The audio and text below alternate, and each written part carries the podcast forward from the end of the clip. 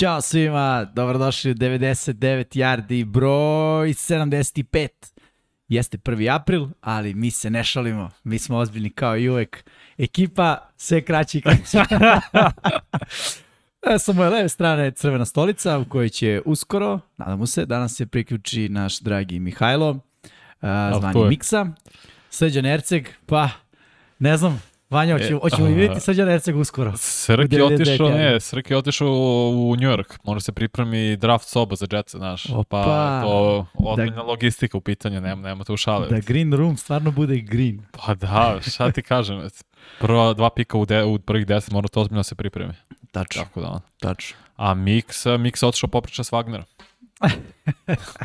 Vanja uvek ima uh, ideju gde je ko, kad neko od nas nedostaje, Da, da. uh, ko šta radi u odnosu na, na svoj tim. Da, nisam predstavio Vanju, naravno. Vanju, All good. već svi znate, četvrti uh, član ekipe, ali danas drugi, za sada. Čekamo trećeg, to je Miksa. Uh, ali ajde u duhu Srđana Ercega koji dugo nismo vidjeli 99 yardi da kažem nadam se da ste dobro, da se čuvate, da se mazite i pazite. Uh, Vodite da, računa jedni od drugima. Tako je, vodite računa jedni o drugima. Došli smo do aprila, ono, četvrtina godine je već prošla, tako da ako ste zacrtali neke ciljeve, ajde da pošaljemo neku poruku pre nego što krenemo u futbalske stvari. Ako ste zacrtali neke ciljeve, malo buđenja, nije na odmet, ko što rekao, četvrtina godine je prošla, tri meseca, još samo devet meseci i bit će nova godina. A još samo šest i kreće NFL. To je ono što je dobro Tako je.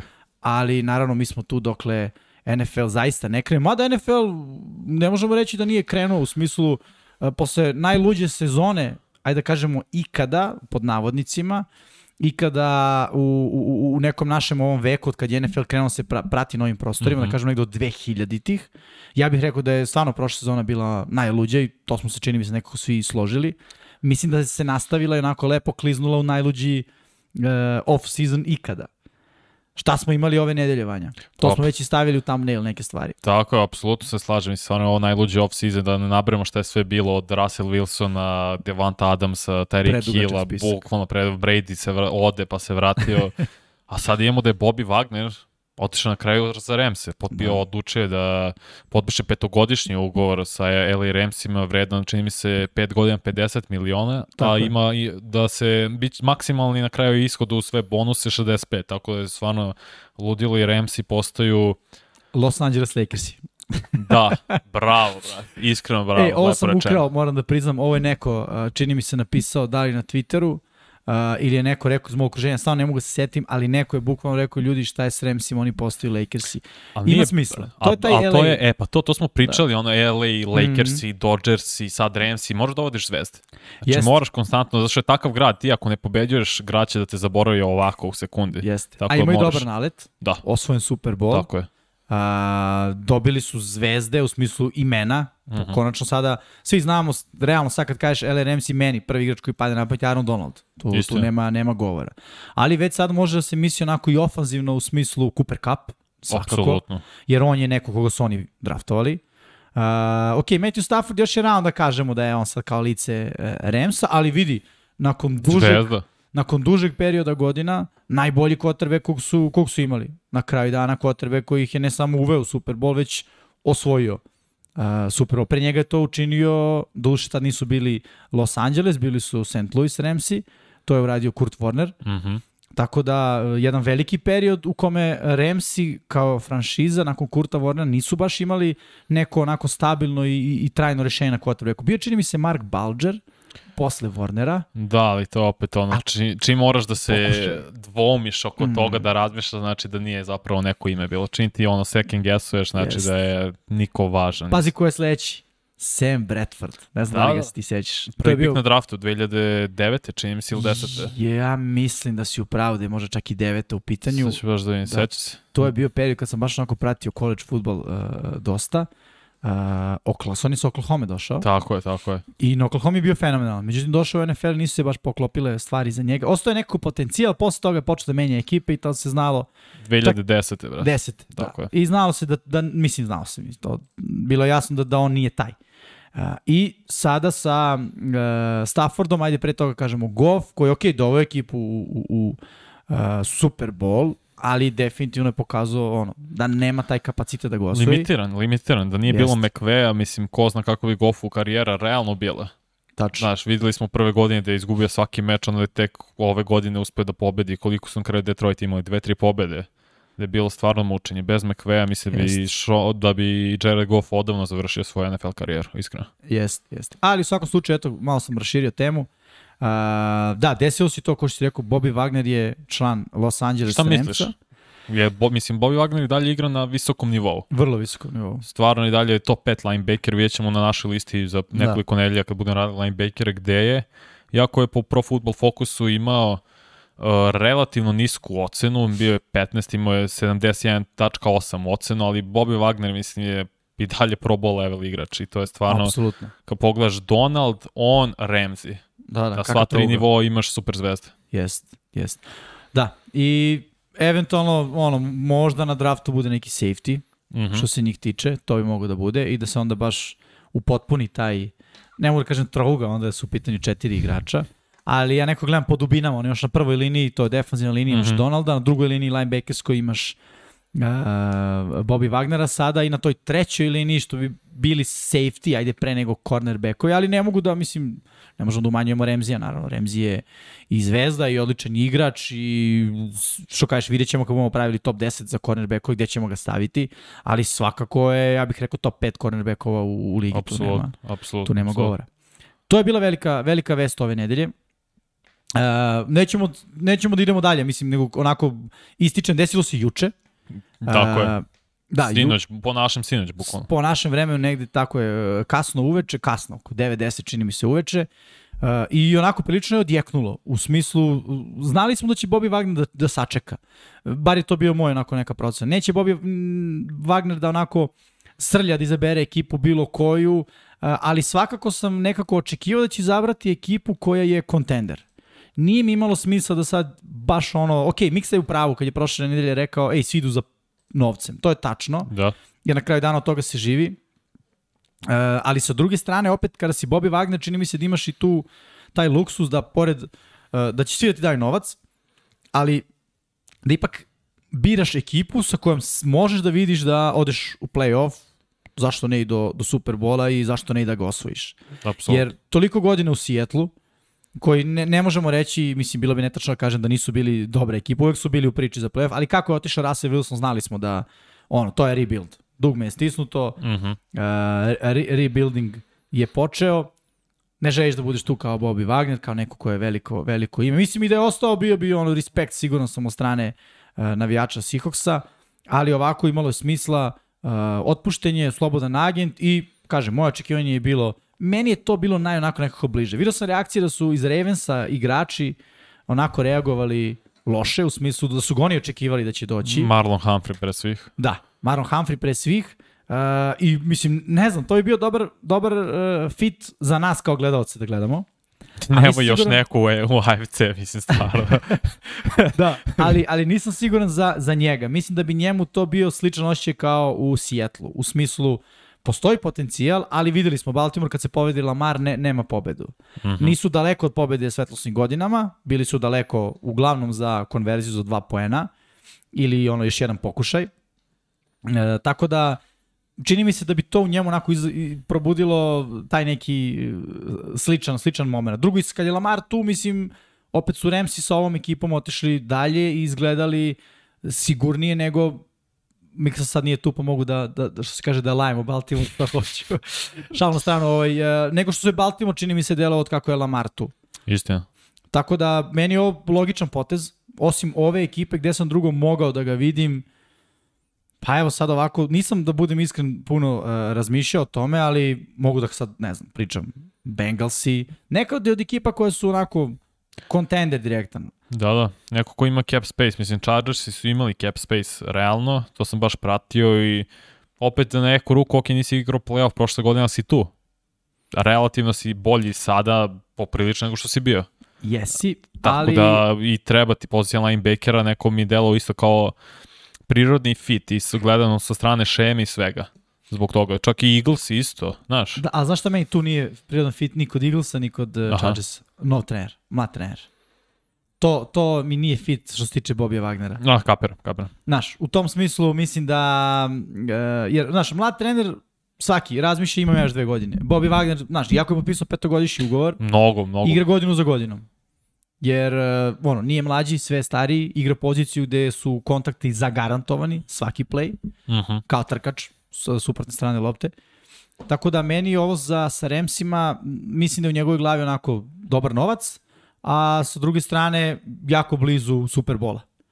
Bliže nego u Eaglesima, definitivno sledeće godine. Što se Chargersa tiče, možda, možda ne. Chargersi moraju da sazreju, ali Apsolutno. ono što je najveći problem po meni za Chargers što moraju sazreju na poziciji trenera, a to sazrevanje smo često videli da se ne dešava.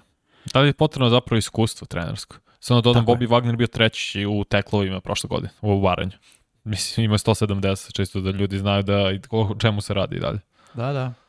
Ne, ne, nema, nema, Bobby Wa- Wagner ne igra, ja mislim da, da je on taj tip igrača koji kada bude on osetio da njegov nivo pada, će onda se penzioniše, kao Patrick Willis. Aha, Nema tu pregovor, kao ono Ray Lewis, realno, Ray Lewis je do poslednje sezone bio dobar. jeste. Ne možemo reći sa kao, ah, kao mislim, evo, pokazuje se i Tom Brady, mislim, i Tom Brady igra na, na vrhunskom nivou. Uh, niko od njih, mislim da su oni toliko veliki igrači i, i, i, i zvezde, ne zvezde, ajde zvezde je loš izraz, veliki igrači, da ne bi dozvolili sebi da igraju ispod nekog nivoa koji su sebi iscrtali.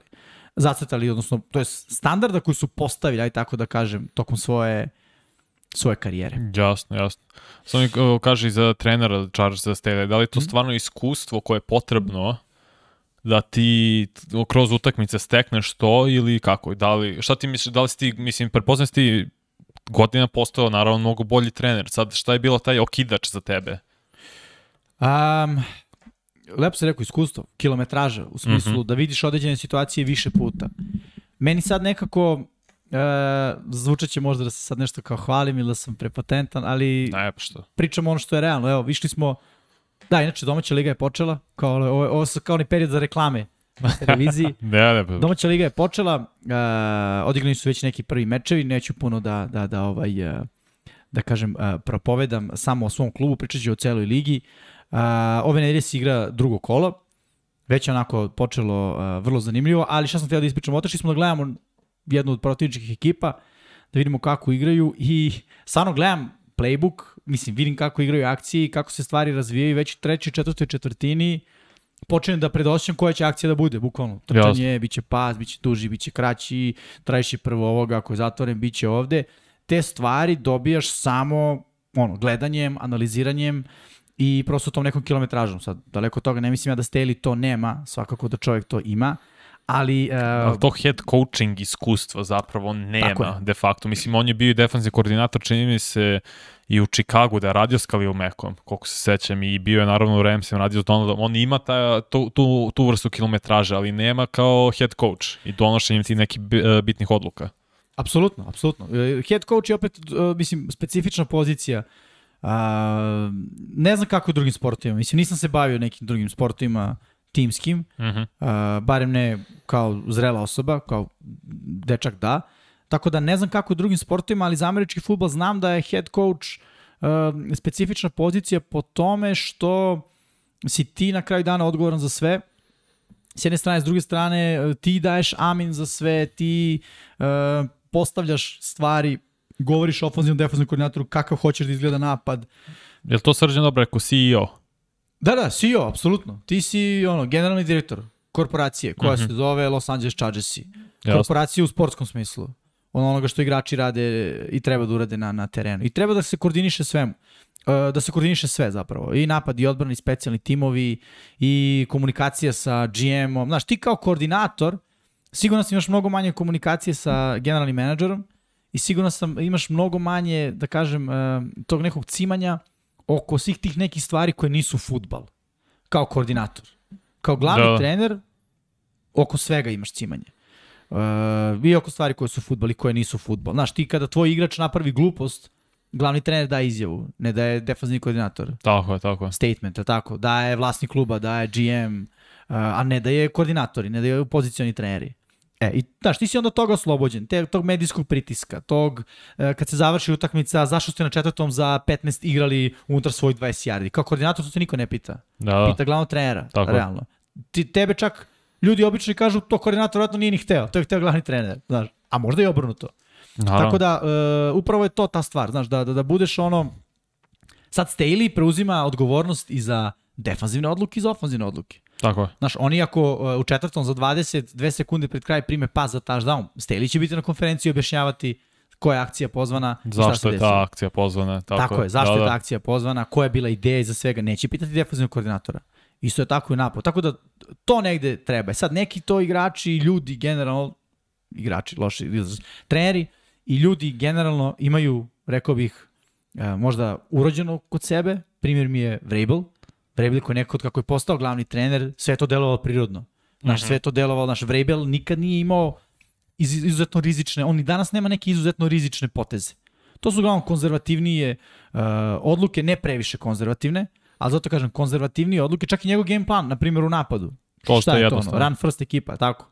Da, da. Što se odbrane tiče, ono, stvar je takva da ajmo vršimo pritisak na, na, na quarterbacka, da branimo duže rute, da zatvaramo ove, ove na, na pliće reagujemo uh, brže kad se, kad se one dese. Uh, u tom smislu, onako, sve to ide nekako prirodno i onda sa zrevanjem, kako postaješ iskusniji, počneš malo da ubacuješ neke stvari da, da stvari budu, kad se ti hoćeš komfornije. Čini mi se da je Staley samo napravio taj korak van zone komfora prerano i da, ga, da je to možda bio rezultat zašto su Chargersi. Otišli smo malo dalje od teme Bobby Ne, Wagnera. s- samo sad ću da se nadovežem na to, prebacimo se na drugog trenera koji se sad penzionisao, prvo moram pozdravim Anu, Jovanu i Aninu mamu, koji su danas otpratile Srđana u New York, da, da, koji mora da ide, jel te, zbog drafta da se pripremi i čak su im dali neki izveštaj koga bi oni hteli za Jets, tako da postavljam pozdrav za Anu, Jovanu i Aninu mamu. A teo sam da se prebacim baš, bo- pošto smo krenuli o trenerima, na Bruce Ariansa, Mhm. na to To je druga vest. Tako je, što se penzionisu, da li to tebe šokiralo? Mislim, kako ti bio odjednom ono, kad si čuo tu vest, šta, šta si prvo pomislio? Šta sam prvo pomislio? Da. Uh, Brady efekt. Da, a, misliš da je to- zbog Toma, da je Tom neko imao uticaj na to ili... Ne, ne, e, ovako, znači ovo, ovako, ovo je zvezdica, ono, ovo što sada Da, čuti je, Asterix, kao što ovo što ste sada čuti je isključivo moja lična interpretacija koja možda nema nikakve veze sa realnošću. E, Brady odlazi u penziju iz nekog njemu poznatog razloga, u smislu, ok, ne mogu sad kažem, nije on dečkić, igra on dugo futbol. Naravno. Uh, želeo je da ode, ali uh, sjeti se kad je Brady otišao šta je Arians rekao.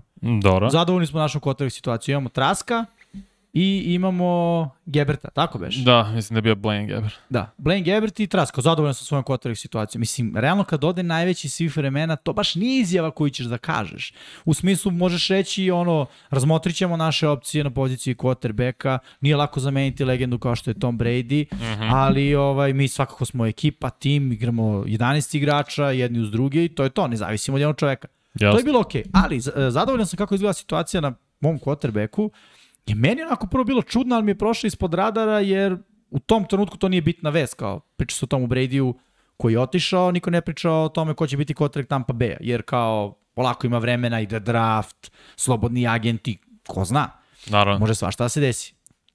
Onda se Brady vraća, što je još šokantnija odluka bila. Ajde, da se penzioniše nije toliko šokantno. Znamo da će on doći kraj. Ali onda se vraća iz penzije, šta, dva meseca kasnije, možda i manje. Manj 40 dana. 40 dana. 40 dana kasnije se čovjek vraća iz penzije i kad se on vrati iz penzije, glavni trener daje otkaz. To jest, on se penzioniše. Znaš, Da, on zar je... nije čudan sled, sled događaja? Da, jeste jedna od priča, jeste zapravo da je Tom Brady je znao da će on da se penzioniše, mi- nije, zato, nije se zato direktno vratio, naravno, ali pri svom vraćanju re- on je dobio vest, ok, da će ovaj da se penzioniše. Uh, dve stvari. De, e, neko možda će da se da se sudaraju, ali me, e, s jedne strane, ovo što je uradio Bruce Arians je više nego što je Rooney pravilo uradilo, pošto Todd Bowles, moram kažemo, nasledio zapravo Arians i on je sad novi glavni trener i dobio ugovor od 5 godina. Todd Bowles, uh, On ima afro, iskustvo glavnog trenera. tako i bio je glavni trener Jetsa, čini mi Jets, se jest, jest. uh, afroamerikanac. I zbog to kažem, ok, on je uradio više nego Rooney rule, Rooney pravilo, jer je direktno obezbedio da Todd Bowles uh, preuzme ekipu. Da je on da je otišao u penziju ranije, da je otišao tipa pre nego što je počeo free agency, odmah nakon sezone, Tampa bi verovatno morala da uradi intervju i ko zna koga bi angažovala. Možda ne bi ni Bowles dobio uh, priliku ili bi, ko, ko zna šta bi se desilo, možda neko drugi nije ni važno, a s druge strane opet ovo stavlja ogroman pritisak na tog bosa, koliko god je ovo dobro, opet uh, ako bude slučajno sezona lošija, znači uđeš u playoff i opet odme ispadneš, sva krivica ide na tebe. I da ne, neće Svako. ići na Tom, bro, na Tom Brady-a. Neće, neće. Ići da. na Todd Bowlesa kao glavnog trenera. Ali neće ispasti u prvoj.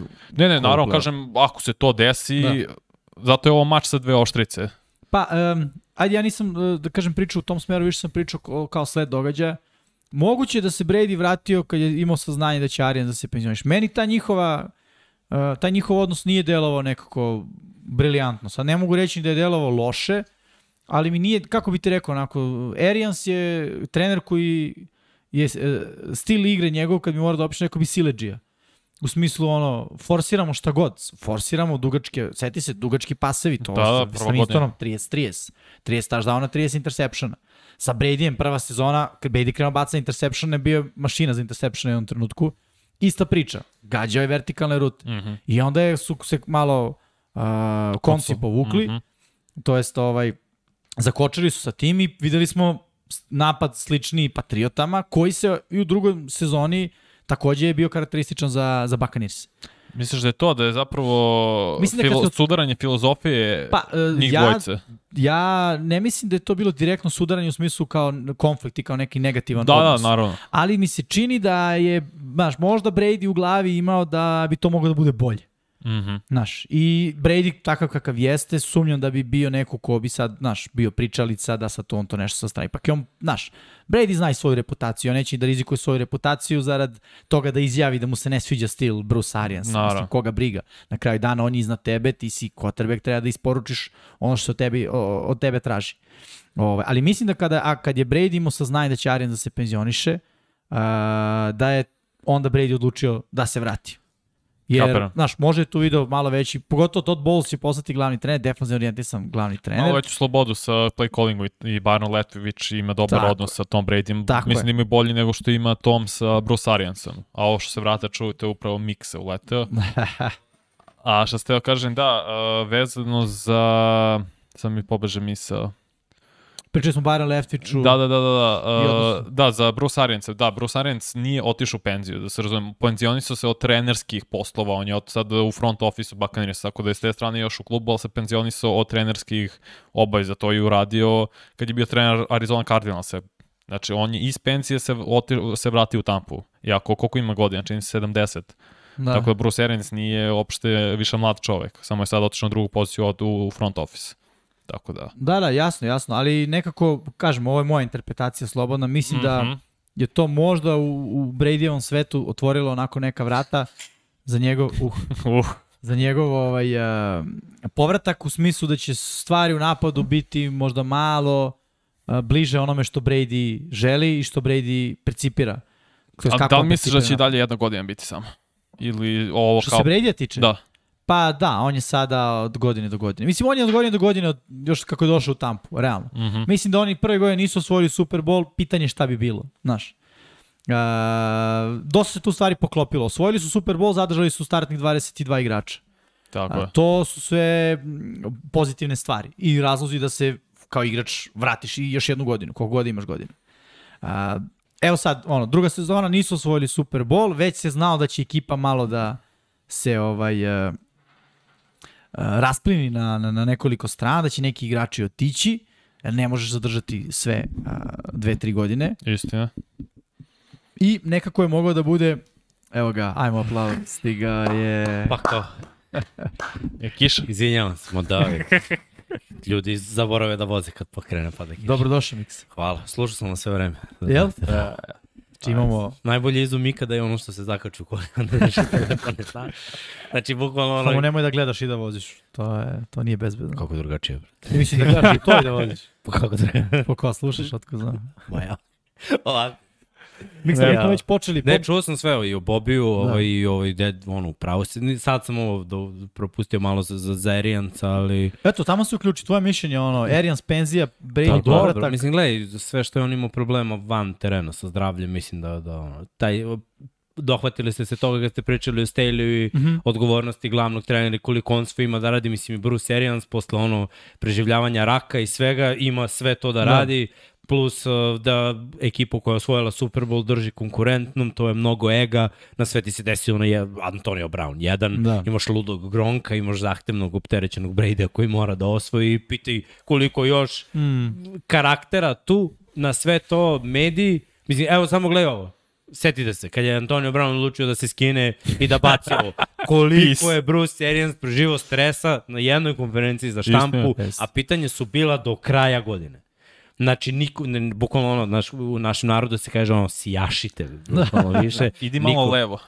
E, to, bravo. Da vidim. Niko nije sjahao, mislim, s, ovaj, ono, kad uzmeš u obzir čitavu karijeru, čovek je bio u Indianapolisu, nije bio glavni trener, osvojio Super Bowl. Bio je o, takođe u Pittsburghu, Uh, takođe bio deo jedne ja, jako dobre ekipe sa Arizonom, nije osvojio Super Bowl, ali je napravio dobru ekipu, došao je u Tampu, u Tampi je ovaj, napravio priču. Uh, prve godine da se videlo fali nam quarterback osvojio Super Bowl ponovo, mislim čovek je ostvaren u godinama je, mislim da, da, da je sad već ono više za, za kanci, neku mirniju priču da je u pet popodne, u pet popodne idem kući ono s porodicom. A život trenera je znaš i samo, ono, da. život trenera je u pet popodne, tek kreće ovo fazonu, ono, ispremanje i problemi i priče i dalje i to traje i to, te, to, ono, to, to je preveliki stres. Ja stvarno poštujem uh, sve trenere u NFL-u, mislim da, da treba zarađuju mnogo više para koliko sebe daju u, u, ono, u celu. Pa, više od igrača, realno. Mnogo 20, više. Redki su igrači koji Vidi, daju slično. To su oni najveći igrači. Pričali smo, čini mi se, jednom trenutku spomenuli prošle godine da je Beličik najplaćeniji trener. 12 miliona godišnje. To je milion mesečno. Izvini, quarterbacku i ne igri za te pare, igri za mnogo ne, veće pare. Za te pare igri backupove. Za te pare Bukvalno. igraju backup, da, skoro Bukvalno. pa backup. Plus se, da. znaš, ono, paljba često ono, osuje po trenerima. Nije da. kao, u, igrači su krivi, mislim, uvek i trener trener. nosi, ne, ne, ne, ali ajde da kažemo, realno da je 50-50. Ono da i nek bude u, jo, znaš, ono, da. neka bude malo veća kinta. Želim je tvoje mišljenje, to sam ja spomenuo vezano za Todd Bowlesa rekao sam da je, Ru, da je Arians uradio mnogo više nego što je samo Runi pravilo uradilo za afroamerikance, tako što je on se nije penzionisao odmah na, počet, na kraju sezone već sačekao period free agencija. To je siguran. Da, da, i sve, odluk. i da bi ga nasledio Todd Bowles, da ovi nemaju, da ne mogu da uradi intervju s nekim drugim. Ali ne bi oni ni radili intervju s drugim. Ne, ne, svakako, mislim da opet Arians s jedne strane sjajna stvar, za Todd Bowles za afroameričke trenere, a s druge strane opet je mač s dve oštrice, jer sva odgovornost, ovo što ti kažeš, će preći ako Tampa ima slučajno lošu sezonu, odmah na Todd Bowles. Pa hoće, ali Znaš. opet ja sumnjam da će Tampa u jadnom NFC-u imati lošu sezonu. Loša za njih. Mislim, loše za njih. Gledaj, plasman u playoff je dobra sezona. Jest. Mislim, i Bowles u svojoj karijeri trenerskoj je one bedne džetce sa malo talenta dobro vodio. One jedne godine kad su se skupili nešto s ekipom, imali su 10-6, mislim, to bi bilo u NFC u prošle godine lagani playoff. Da, da. Mm -hmm. opet, u pravu si, ima tu sad ne, nekih drugih stvari, ali Todd Bowles i, i Frazier i Leftwich su kandidati da budu glavni treneri negde drugde. Isto. Samo je bilo pitanje... Znaš, a ovo je neko ko ti je, ovo je neko ko je tu. Drugo, gledaš odnos, kad biraš trenera, malo odnos igrači i trenera. O, ovde je taj odnos vrhunski. Mislim, igrači baš postoju, I postoju to da bolsi. I poznati odnos. Znaš no. šta misle o njemu. Nije kao da odiš novog, pa sad može da bude i ne mora. Tako je. Jer ti ako hoćeš ovaj, da napraviš isto jelo, Znaš, i sad hoćeš da, da promeniš pet sastojaka i hoćeš da to bude isto. Pa ono, ne može, znaš. Mm. Mo možeš neke stvari da zameniš i već si krenuo. Da. Ostrani ovo, pa ubaci nešto drugo za mene. Ne možeš sad da uzmeš sve da iskoreniš i kao je, kao evo, serviram ti da. meksički burrito bez mesa, pa soja, kukoraza, ovo. šta si stavio unutra? Mm. Duh Meksika. Da, mislim. Iznenađenje. Nemo se, nemo se, ovaj, da, da. Ali ovaj, mislim da mislim da je okej okay. potez uh, Bruce Ariansa, uh, poštujem njegovu tu odluku. O, ovo mislim da, da, da čeka nas u sledećim godinama sa mnogim ovim veteranima. Jer vidi, vidi se već trend da NFL ide ono mlađi, novi futbal, mlađi treneri. Mm -hmm, college trener. Tako da ovaj, Arians je već ono matorac, ne, ne, ne spada on više u ove, koje treba se dokazuju. Dokazuju se. Bilo je malo tu pitanje dok nije uzu Super Bowl, sad je uzu kao glavni trener Super Bowl. Da, da. Tako da on je svoje odradio, sad ostaje da, da, da vidimo.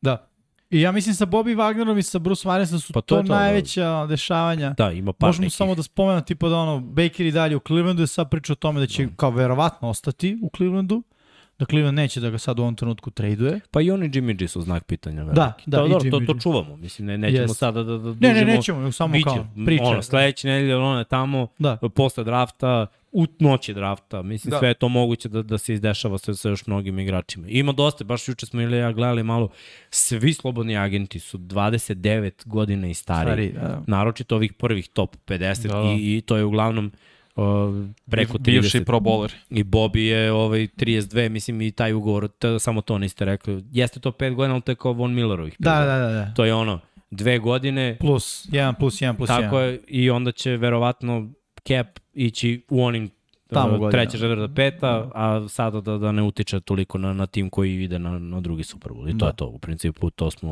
wrap-upovali, završili. Da. Nije bilo danas, nije. ako se ne varam, ništa još. O, Pa, od deo nekih- sad ja Da, gledam, da. tipa, Raiders su potpisali Nika Malinsa da bude Da, backup, pregovaraju sa ovim Karom, još nisu kao došli do nekog rešenja. E, šta još? Da, malo pre sam video nešto. Baxi su potpisali Giovanni Bernarda, ali to je opet ono... Dobro, pa da. Mislim, okej, igra, nije sad kao nebitan backup, ali... Da, Dubina, sad, sad, Da. da. sad se gleda dubina. Dve najbolje ekipe moraju da imaju dubinu i Tako je. bolje kad imaš dubinu od strane iskusnog igrača koji je već bio deo Jest. neke ekipa Giovanni igra u play-offu Cincinnati pa je Jest. došao i ovdje bio član te pobedničke ekipe, tako da ono, bolje da, da ti treći bek bude iskusan bek koji može da, da uradi mnoge stvari nego je idemo kao na šampionski prsten sa klincem, rukijem na, na, trećem beku po depth chartu, ok, povredi se prvi, taj treći je drugi, Drugi, da. a koja nam je onda treći, onda je neki sa practice squada i onda već nisi toliko ozbiljna ekipa. Tako je. Tako da ono, Baxi znaju kako da, mislim i Baxi i Remsi, ovo mi baš delo ono powerhouse, Mm. punimo se na svim pozicijama, znamo šta je cilj, znamo kako ga ostvariti, NFC, ono, na izvolite. Tako je. Ovo miriše, mislim, na ono 1-2 i finale NFC-a da bude ovo. Tako je. Iznenadilo bi me, ako gledam samo papir, trenutno, Vidi, osim ako se ne sretnu ranije, kao ove godine. Pa da, ako budu 1 i 2, znaš, neće. Da, da, neće, da, da, da. da. Jer ove godine mogu su- da Ove iznenade godine da su budu. Ramsi bili četvrti.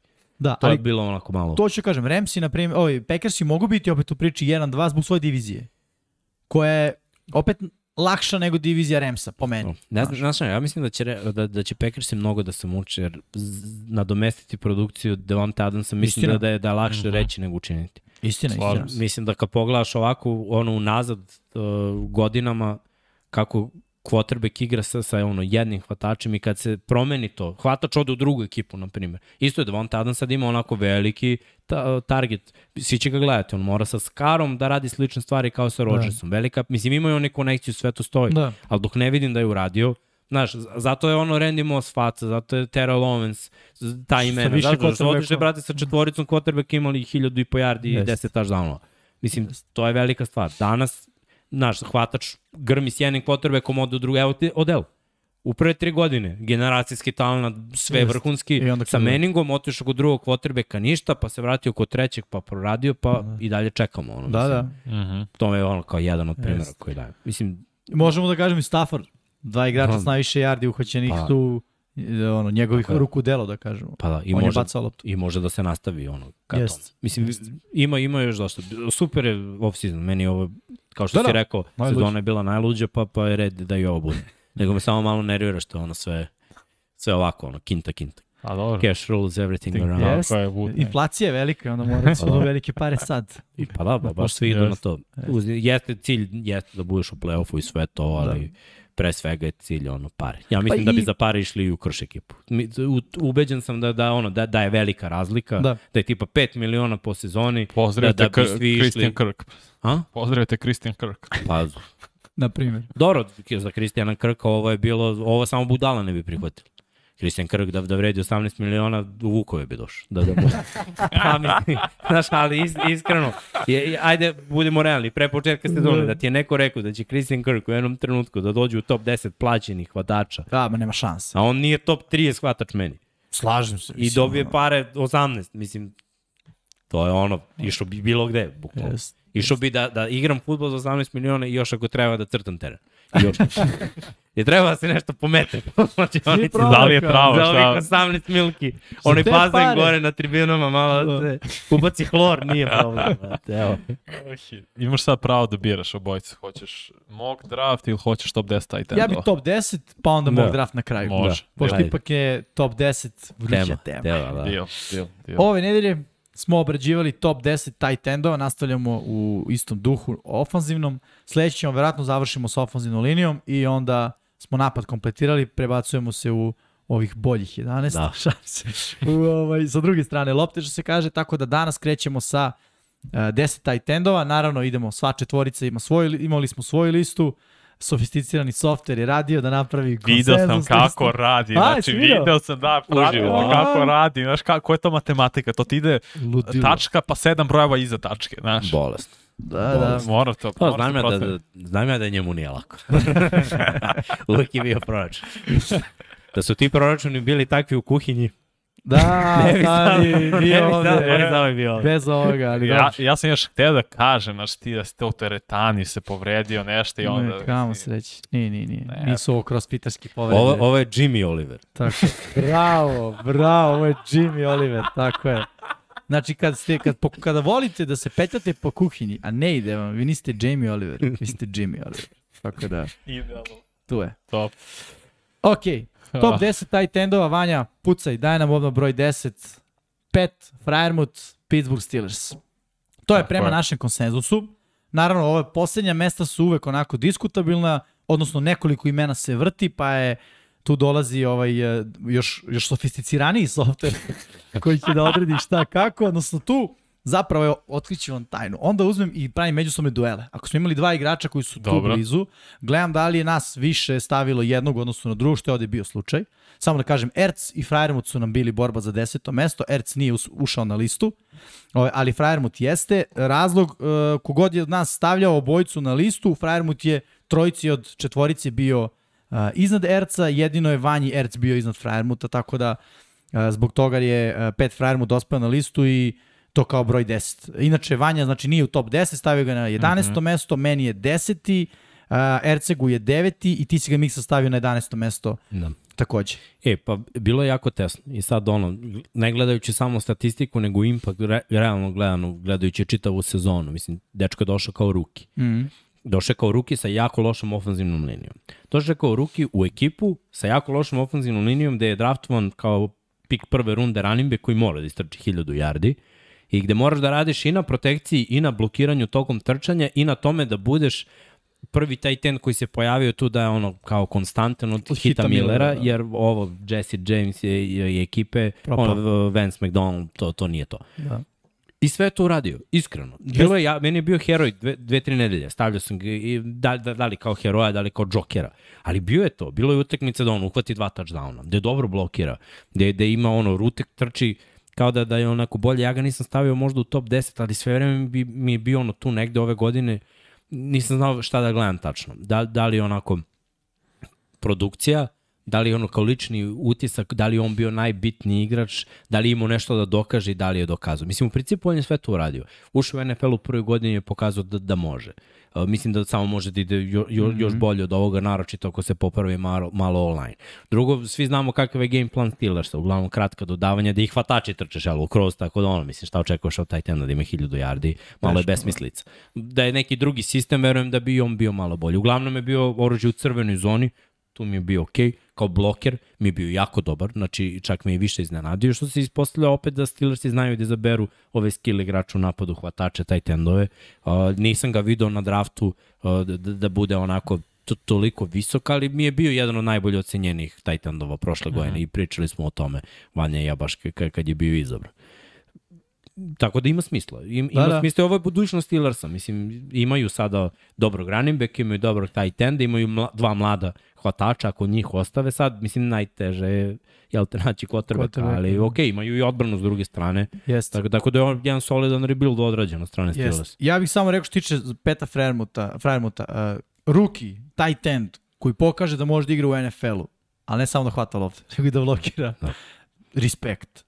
Respekt. Pričamo o tome i ti ja smo čini mi se u jednom trenutku i rekli da je tranzicija sa koleđa u NFL bukvalno najteža tight endovima.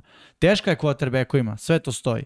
Ali tight endovima je, ja mislim, ubedljivo teža. Jer treba blokiraš ljude koji su mnogo jači nego na koleđu, mnogo brži nego na koleđu mm. i treba da istrčiš rute i da se otvoriš poti ljudi koji su takođe i mnogo jači i mnogo brži i da je moment reakcije uh, kraći nego što si ikada video ono na, na, na koleđu. I u takvom celom okruženju ti kao ruki imaš sezonu gde te ljudi primete, baš kao što si rekao. Mm. I Joker i Heroj, smenjivo nam se, svima nam je bio tu negde u, u priči. Uh, I definitivno neko ko ono, da, kada ne igra za Steelers-e, kad je on povređen nešto, očekuješ slabiju produktivnost celog napada, generalno. Nije bio go-to guy, nije bio neko ko ima, ne znam, 8-9 hvatanja Redko koji tight end jeste. Tako je. Dobro, ajde se kažeš, Kitu, ne, Kelsey, ne, ne, ne, da. ali to je top 5. Da, da, da. Redko, od 32 istina. tima. Istina. Mm. Mislim, istina. redko koji tight end je ono go-to guy. Uglavnom su oni druga opcija. Mislim, sad ide, sad ide u smeru futbol malo da, da se primećuje od ove da. godine. Da. Mislim, od protekli dve, tri tight end ponovo, ali obično nisu ono go to guy. Yes. I tako da kažem, meni kad, si, kada ostaviš takav utisak u svojoj prvoj sezoni, ono, jesi top top 10 da. svakako. Samo ću dodati za peta da je on jedini u Skitla imao ocenu 75 ili više i za hvatanje i za, blo, i za blokiranje. To Jeste, je da. specijalno. Gledaj, on, Baš specijalno. On je imao overall... 7 touchdownova sad. To da. nije malo. Mislim, on... jeste bila opcija u crvenoj zoni. Da, da, 7 da, da. i skoro 500 yardi. On je overall jako dobar igrač. Da, da kompletan, baš. I, i to, to mi se jako svidalo kod njega. Sad, Erc nam ispod liste. Da. I ovaj, da, da kažemo za Erca, mislim, Erc u Arizoni u stvari pokazao da nije kraj jer u Filadelfiji igrao kao da je kraj. Mm. Doduše, mm -hmm. Filadelfija je gurnula drugog taj tenda na većinu snapova. I opet, šta je meni slabost Erce? Erce je solidan blok. I solidan. tu, tu završavam, Tako. solidan. Nije, nije izvrstan. Ali opet, to nešto što je on dokazao je isto za respekt. Ok, ovi su me šutnuli, tradovan sam u drugu ekipu gde ono, sam morao da, da, da pokažem da nije kraj moje karijere, da i dalje mogu da igram na visokom nivou i iskreno Zeker se to uradio. Yes. Njegova statistika kad sam je pogledao me malo iznenadilo, pošto mi je dalo kao da ima ono 400-500 yardi, kad sam izgledao da je to više od 700, bilo mi onako desilo se u stvari. Tako na, na, znači imao je mhm. neke, ne, neke ovaj poteze koji, I, koje nije imao poslednje dve godine. Pritom, on nije od prve nedelje igrao za Cardinals. Nije, tako, tako je. Nije. On je tradeo negde, čini mi se, treća, četvrta ili možda malo i kasnije. Možda malo i kasnije, mislim da je u sred sezone čak. Da. Seo sam mu ba, baš za pohvalu. Yes. Mislim, i opet on je u Fili bio ono prva opcija. Da, da. I taj ten, on nije taj ten da bude prva opcija. On je, znači, hvatači su, kad je bio najbolji, Oshon Jeffrey, Jeffrey je vuko pažnju, uglavnom. Okay. I mislim da, da, da je Jerc tu pokazao svakako spada u neku konverzaciju za, za top 10. Definitivno. I bila je jako dobra sezona za da. njega. Samo eto, neki onako opšti utisak, naš je očigledno bio, tu je, mislim, sa Petnom Frajermutom, ali eto, dali smo prednost mlađim da. igrača, je tako da kažem. Inače, ajde da počitam desete pozicije, tebi bio Hunter Henry, da. uh, Ercegu, uh, Erc, Erceg Erc, meni Frajermut i Vanji Erc. E, da kažem za Huntera Henrya, on je mene baš oduševio ove godine. Jer New England ni, nisam ne očekivao da bude ekipa gde će sad svi da budu produktivni. Mislim da se ne lažemo, znamo kako igra New England. Run first, da. pa onda daje. Hunter Henry je taj tent koji nije baš bloker, tu sam očekivao više iz play actiona da, da se drugi taj tent aktivira. Međutim, Hunter Henry imao 8 touchdownova na kraju. Mm. Ili, ili više. Možda čak i 9. A, Vanja, možda Mislim da imao 9, sad ću da, da pogledam. Gledaj, i mm -hmm. na sve to i, i imao isto solidan broj yardi u prvoj godini sa ruki quarterbackom. Da, da. Gde od njega traženo i da blokira. U run first sistemu. Za 9 touchdownova. Da, da. Iskreno, yes. po meni, malo bolja sezona, jer sad morate sami da odlučite šta je teže. Ruki quarterback koji je i na koleđu bio solidan bloker da napravi tranziciju u NFL-u i da ima 7 touchdownova da, da igra ovako. Rookie tight end. Rookie tight end, da. da. I, a ovamo imaš rookie quarterbacka sa uh, tight endom koji je bio injury prone čitave karijere, došao novi sistem gde mora da blokira i da igra nešto što, što nikada nije igrao. Znači Chargers i Patriots ne mogu da se porede. I opet je dokazao nešto, mislim. Jeste. Naj, jedan od najproduktivnijih. Jeste. Imao neko 10, ja mislim da su svi oko 10. Mislim da je Nox, Nox imao, da, čini mi se da ima Nox, sad ću da pogledam. Pa, znači, da kažeš da je top 3 po broju uhućenih touchdownova ove sezone, morao sam ga gurnem u top 10. Da, da, ne, meni on isto bio u razmišljanju. Znaš, u top 15 mi je bio svakako. Da. Tako da, ali dobro, okej. Okay. Uh, Kelsey je imao 9, mm -hmm. Andrews isto imao 9 i čini mi se da je Schultz imao 8, Nox, Nox isto imao 9. 9, da. ok, znači niko nema dvoci. Da, da, ali... Da, da, da. Da, da, da. da. Dobro. Ajmo na poziciju broj 9. Tako je, Pozicija, pozicija, broj, broj 9 9 je Mike Gesicki, Gesicki. Gesicki. Čujete jedno i drugo na sport klubu. Da, E, po srpski. Pa, da, ali ja sam njega slušao na nekom klipu kad je bio na koleđžu, gde je on, iz... bilo je pitanje kako se izgovara tvoje prezime, on je rekao Gasiki, Gasiki. Da. Tako da on sam sebe tako zove i meni je negde bilo u fazonu, ok, ako sam sebe zoveš Miksa, što bi ti ja zvao Majksa? Da, bravo. Malo mi je bez veze, ali ok, ono, očigledno može i jedno i drugo, verovatno, ali... Pa da, uglavnom mi to težimo po srpski. Ma da, ali u svakom slučaju da ne, ne ode priča na tu stranu. No. Vr, Gesicki- Gledaj, od koleđa vrhunski talent. Da. Neiskorišćen malo. Pa samo kažem, Miami. obojica su sa Penn State. I Friermuth i Gesicki. Da, i to nije slučajno. Da. Penn State pravi dobre taj tendove. I mogu da kažem da od prve godine sam malo bio razočaran njegovom produktivnošću, ali onda malo se okrenem nazad i da vidim šta je bio taj Miami ofanzivno bez trčanja godinama već i onda ok, ima malo smisla. Za, zašto? Taj ten najbolji prijatelj mu je trčanje, jer Jeste. tek nakon play actiona, ako se dobro proda, taj ten mo- može da ima te lagane jarde, to delo se onako, pa samo pet, pa je on napravio 10, ali takvih pet hvatanja, taj ten da ima 50 i uhvati touchdown i to je već produktivno. Tako je. Međutim, ono što su počeli da, da, da rade s njim u posljednje vreme jeste da ga koriste dosta novim simovima, onako ima čini mi se od svih ovih tight endova par ih je koji imaju taj brutalni osjećaj za neverovatno hvatanje. To je on. Je jedan od njih, da. Mark Andrews isto ima ta hvatanje. Jeste. Jednom rukom, uh, kao Gronk u, najboljim danima. Taj tend od 2 metra hvata loptu ispod, po, ispod kolena, u isto vreme hvata loptu levom ili desnom rukom bačenu dalje od njega.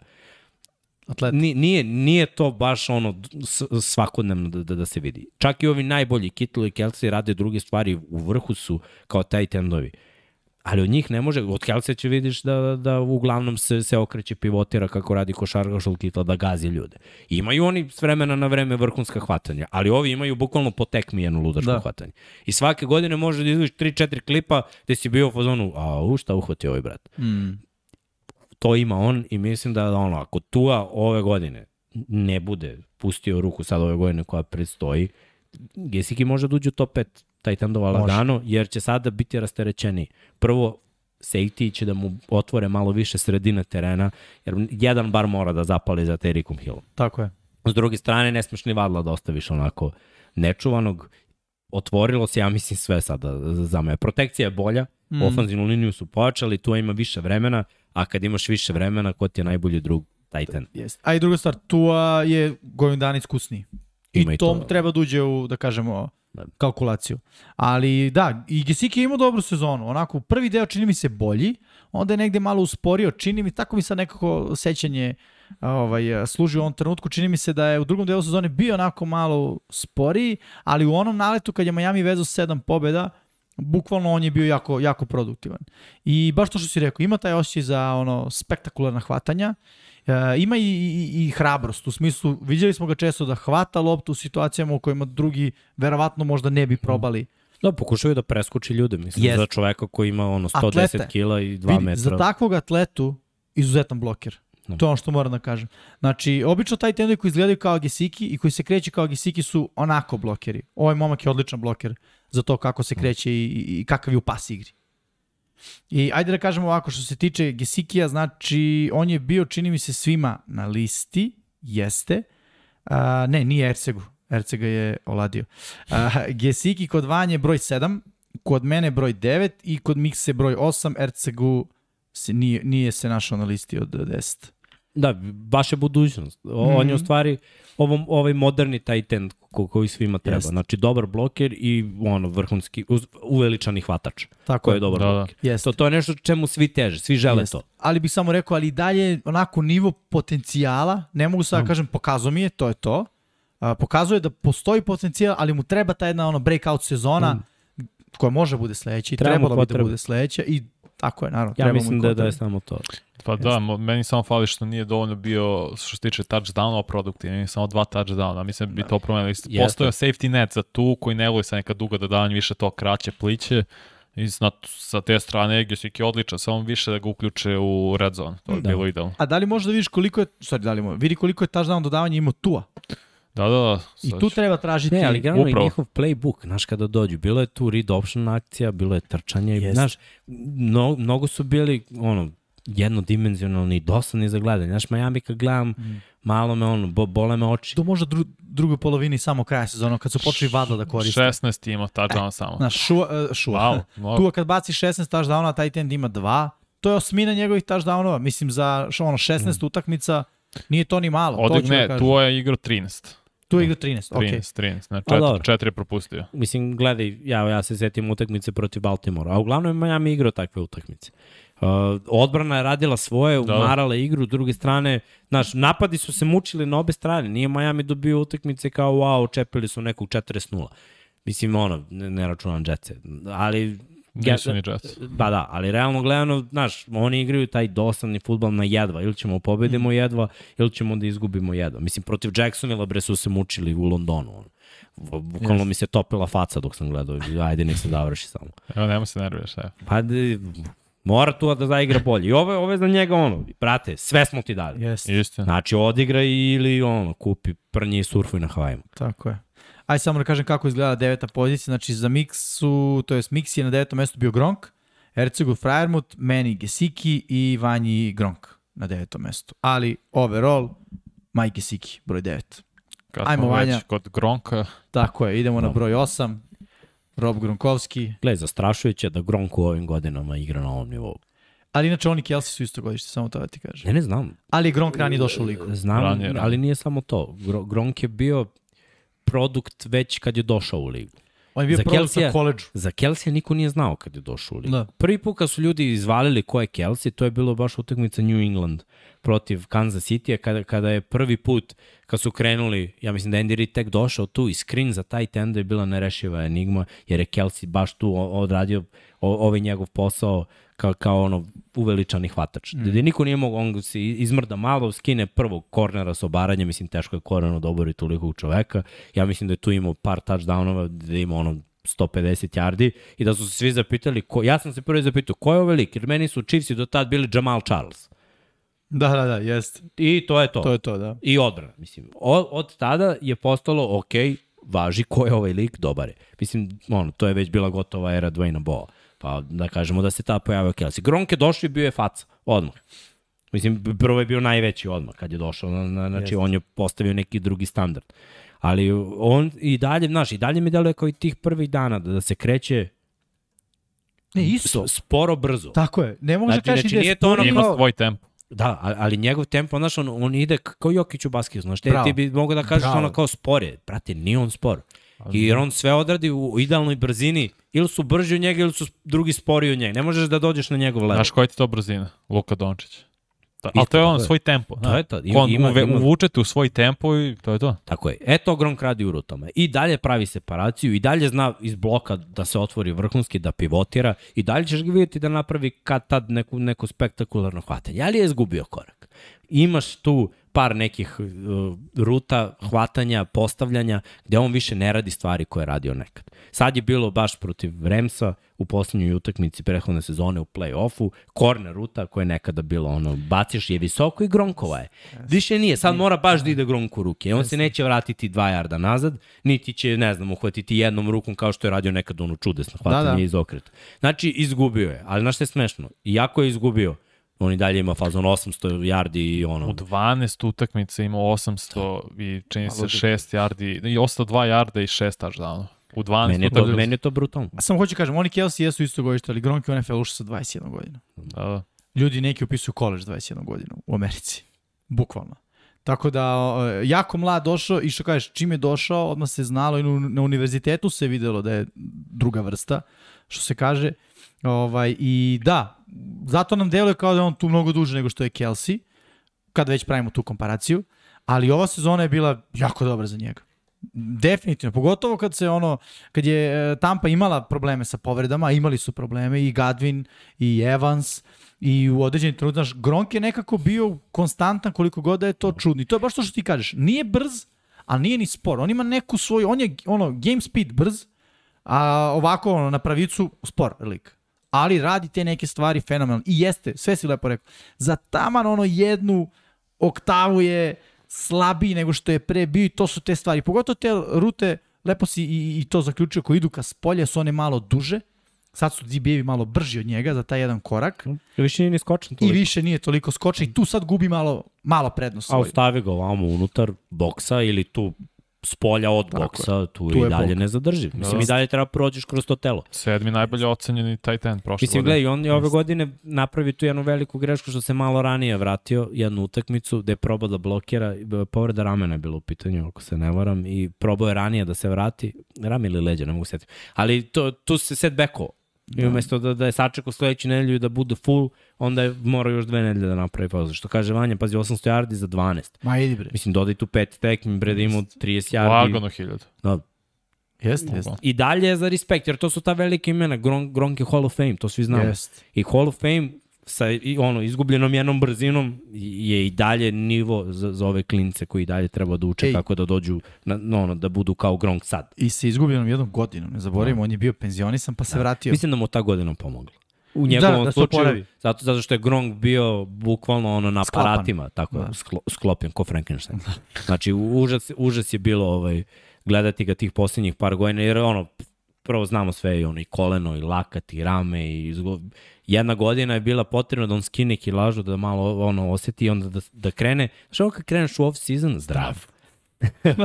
I smeješ se, znači, da, znaš ovo, uvijek kreneš u off-season, ja, boli me, pa neka sledeće godine, da. da. Neće da prođe, brate, treba ti odmor, znači, Jest. trošimo se, ni- nismo mašine. Ajde samo da kažemo kako je izgledalo osmo mesto. Znači Mixi je na osmom mestu bio Gesiki, uh, Ercegu Gronk, uh, meni i Vanji uh, Nox. Na kraju konsenzusom Gronkovski na mestu broj 8, inače Gronk je bio Vanji na devetom mestu, meni na šestom, šta ću kad ga volim, uh, Ercegu na osmom mestu i Mixa tebi bio na devetom mestu. Da. Gledaj, i verovatno bi bio malo više da quarterback mu nije Brady. Mm. Ali to je ono, znaš, opet neko ima sad da dokaže, neko mora da se trudi. Znaš, da, da Gronk igru sa Tum ne bi imao ove, ove, ove Ne bi, ali ne bi ni igrao sa tu. Ne, ne, a, znam, ne, nego hoću da kažem koliko je za njega u njegovoj karijeri Tom. Jes, sve. Od prvog dana do kraja. Čekaj, čovjek I se- gledaj, Tom i Gronk je ne samo na terenu konekcija, nego životna je Da, da, da. i jedno veliko prijateljstvo i konekcija. I onda, znaš, Tom je u frci, u džepu je, mora da izbaci loptu.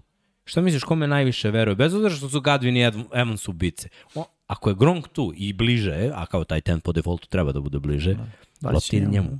Jeste. I to, to je ovaj, malo ide na ruku Gronku u njegovoj mm -hmm. karijeri, rezimeu i sve. Mislim, ne sporim da je ono vrhunski igrač jedan od najvećih Da. svih vremena na taj tendu.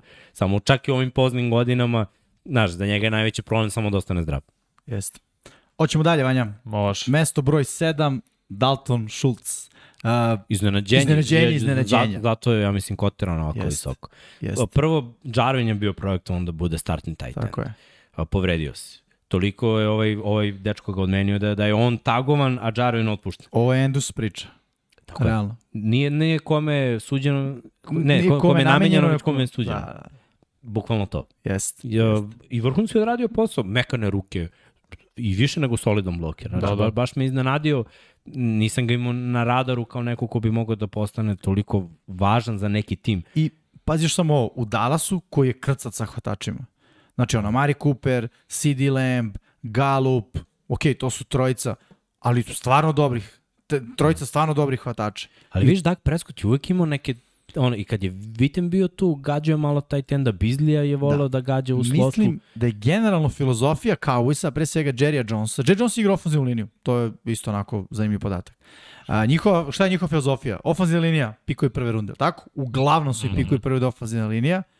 Ko je sledeći, ko, na koga onako definitivno polažu uh, pažnju, to je taj tend. Imali su Vitena, pa imaš jedan period ono decenijski gde kao nisi razmišljao ko je taj tend, ali nakon njega znali smo da traže novog. Znaš, vi- videli smo te poteze koje, koje vuku, u smislu kao što je rekao Jarvin, pa ono kao, uh, bilo je projektno da će on biti prvi taj tend, pa se nije desilo. Dobro, oni su imali onaj projekat dok je bio Viten Martellus Bennett. Martellus Koji je bio Bennett, vrhunski bravo. igrač, samo Jest. što, što je bio malo lud i Malo više. nije mogao da, da se uklopi u tu filo, Jest. filozofiju Dallasa. i. Tačno. I taj Martellus Bennett je dokaz da oni obraćaju pažnju na taj tend onako. Možda Da. više nego neke druge ekipe, ajde tako da, Dobro, da zato generalno što- kažem. jeste uz ofenzivno obraćaju pažnju na running backa. Uvek je dobar back Tako je.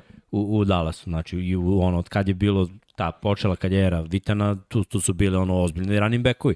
Neke ćemo zaboraviti, naravno nisu dokazali vrhunski nivo, ali mislim jedan De, De, De Marco Mare De Marko Mare je predvodio ligu po broju yardi, Marion uh, Barber. Marion Barber je bio vrhunski back. Jeste. uh, Dobro, ruku na srce te godine da je ofenzivna linija Dallas je bila jedna od najboljih Jeste, da. ikada, stvarno Jeste, ono, čoveče, u, u zenitu mogućnosti Nego su bili da, ove trojice. da oni uvek i zašto su gađali Eliota, jer njima je u glavi, šta im je u glavi? Emmitt Smith. Da, da. Da, da, da. I od, to, od tog momenta Ne, se gađa ne to... njima, Jerryu. Jerry, dobro. Jerry, Jerry. Gledaj, gađa da zameni Emita Smitha, Yes. gađa da zameni tu ofenzivnu liniju, Tako je. gađa Da. sad, znači, želi da ima opet jednog vitena, gađa quarterbacka koji će biti kao Aikman, I gađa je- hvatača koji će biti kao Ta- Irvin, tako i je, to Irving, živi u, u ovaj- prošlosti i pokušava, brate. Irving, T.O., znaš, Tako uvijek je bio neko. Tako je. Dez Bryant isto. Des Bryant, Bryant, bro. Samo se nastavljaju, jeste. Evo To ga je filozofija. dilema, mislim. Jeste. To je to. Jeste, jeste. Pa Mari Cooper pre toga nije bio njihov, Da, da, ali nema veze. je doveden da bude Nema to. veze. Tako To je. da. Da. Pa Schultz je bio po Pro Football Focusu šesti od najbolje ocene, ali vrlo dobar hvatač i vrlo dobar linebacker, uh, linebacker, vrlo dobar bloker, a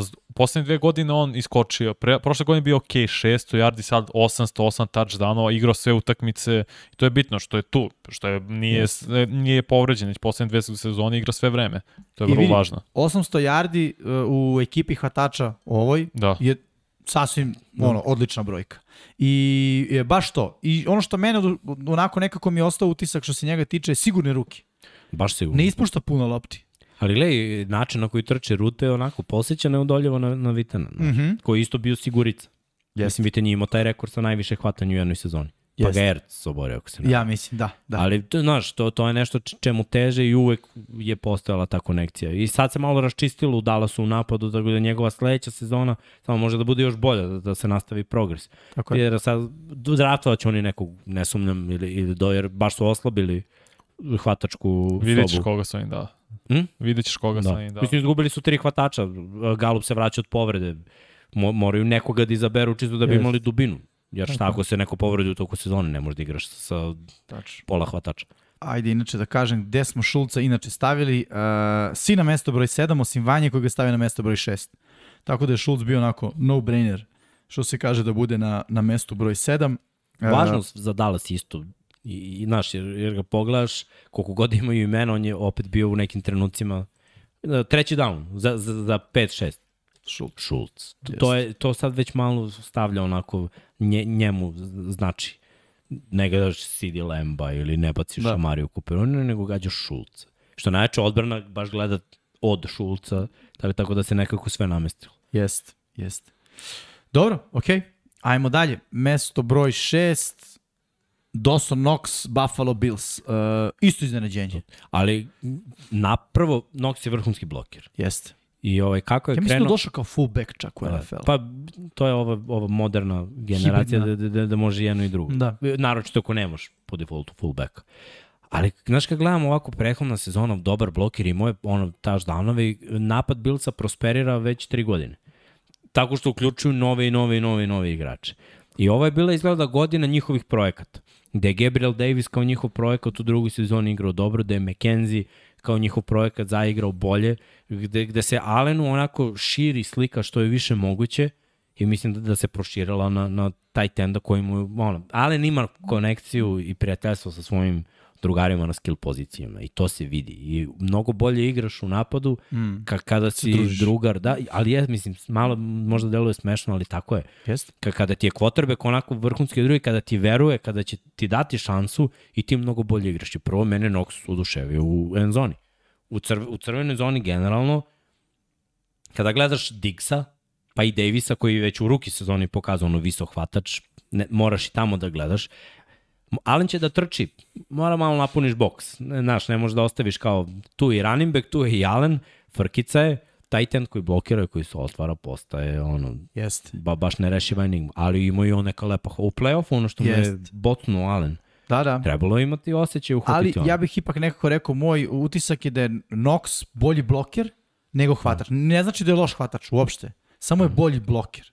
Zato mi se čini da je on, kad je došao u NFL, da je prva projekcija bila da bude fullback, pa je onda bilo, vidi, fullback je old school futbal, bit ćeš tight end, fullback, gde nam budeš trebao. I on je odgovorio od- ono odlično na taj zadatak. jedan od redkih, tipa meni su u glavi on i Jušček. To mi je taj neki sličan, da, kažem, uh, fazon.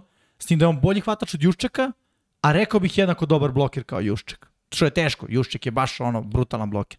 Ali u svakom slučaju, uh, broj uhvaćenih touchdowna, najveći, u stvari da, nekoliko njih je bilo sa, sa devet, ali tako vanje, to smo Da, na kraju da. ustanovili. Da. Ali mi je bilo iznenađenje, iskreno. Kao što si rekao, pored toliko opcija koje ima Buffalo Billsi, i na to se dodaj Allen koji će da trči, i na to dodaj uh, Singleterija koji je igrao, mislim, cela igra trčanja za Buffalo je konačno postojala ove godine, ti imaš devet uhoćenih touchdownova i igraš tight enda.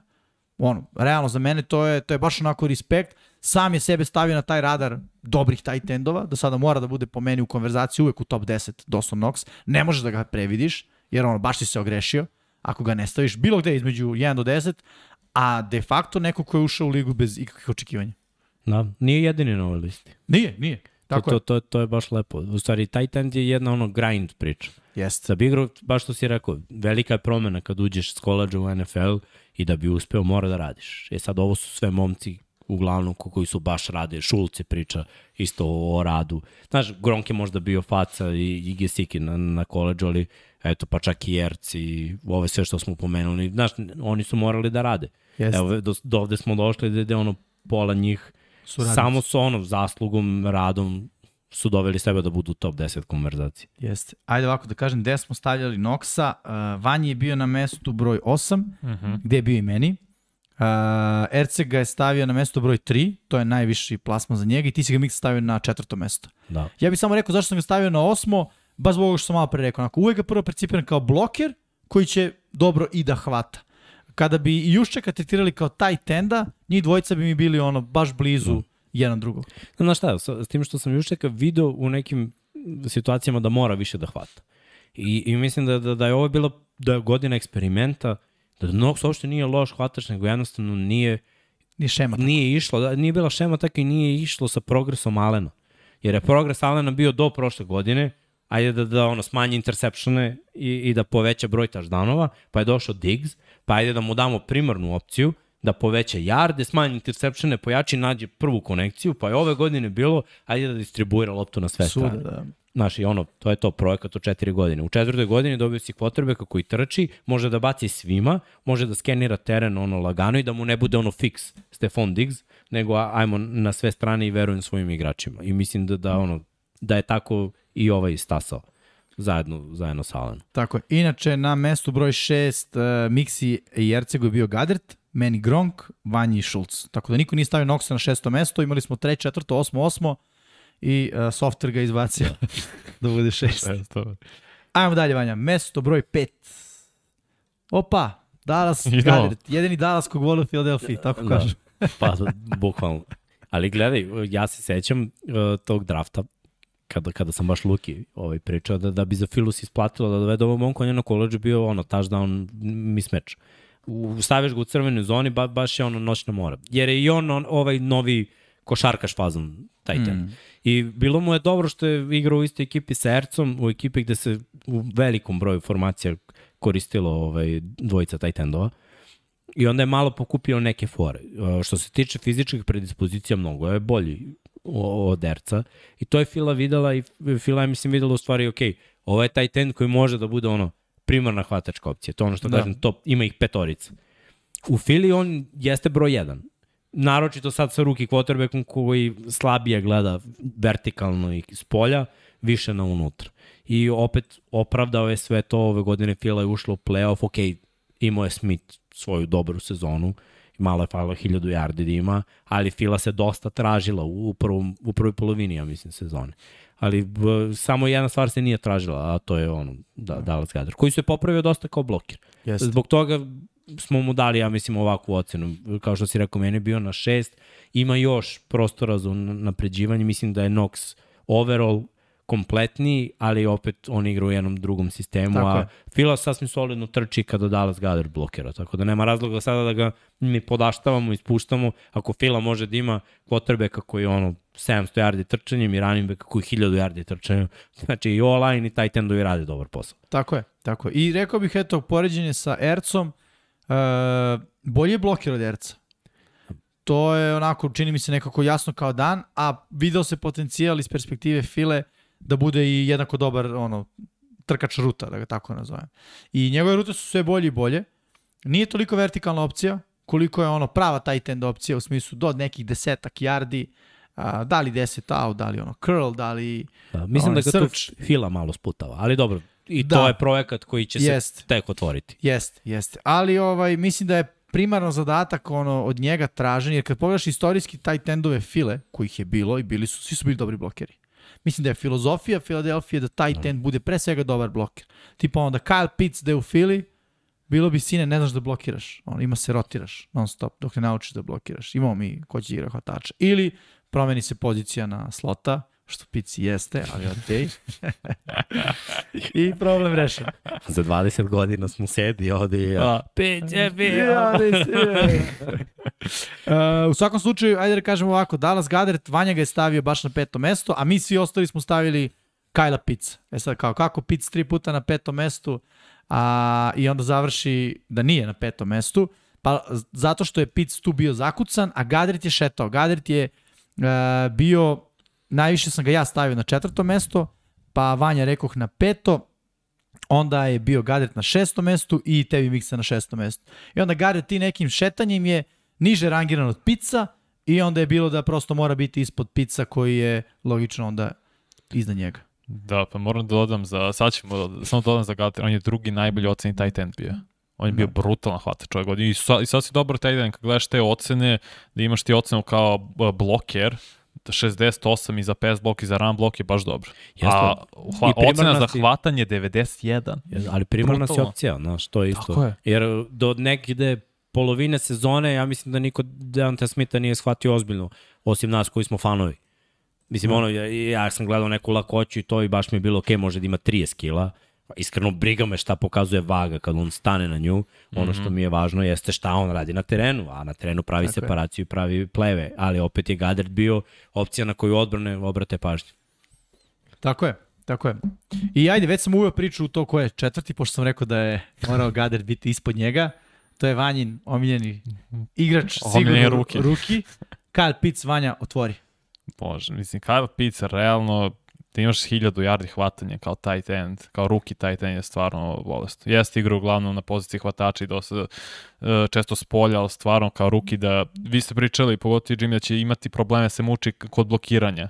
Ali ako sa tim frame-om kad si 6-5 imaš 100-110 kila, ne odražava se toliko. Prosto je bio dominantan kad je bilo potrebno ima neka brutalna hvatanja. Samo na početku trebalo vreme na 3-4 utakmice da uđe u ritam, da se poveže s Matt Ryanom i posle išlo utakmica od 100, 150 yardi, Yes. dva touchdowna i stvarno je bio baš kao hvatač primarno, ne kao blokir, ali kao hvatač mnogo dominantan. Ja ste da kažem da nije imao problem sa blokiranjem, pošto nije blokirao uopšte. Da, ne možeš da imaš problem s nekim ne radiš Da. realno. Kako Da, ali gledaj, problem? činjenica da, gledaj, neke stvari idu ovamo Jimmy na, na vodenica, to je da je ono, tu point stance u slotu uglavnom. jeste.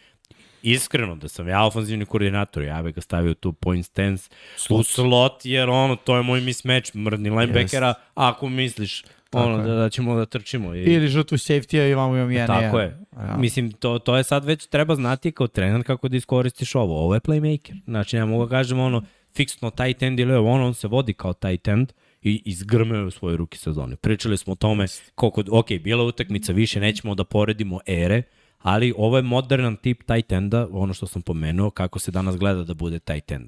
On će godinama graditi i vežbati da bude bolji bloker, to, je- to je sigurno.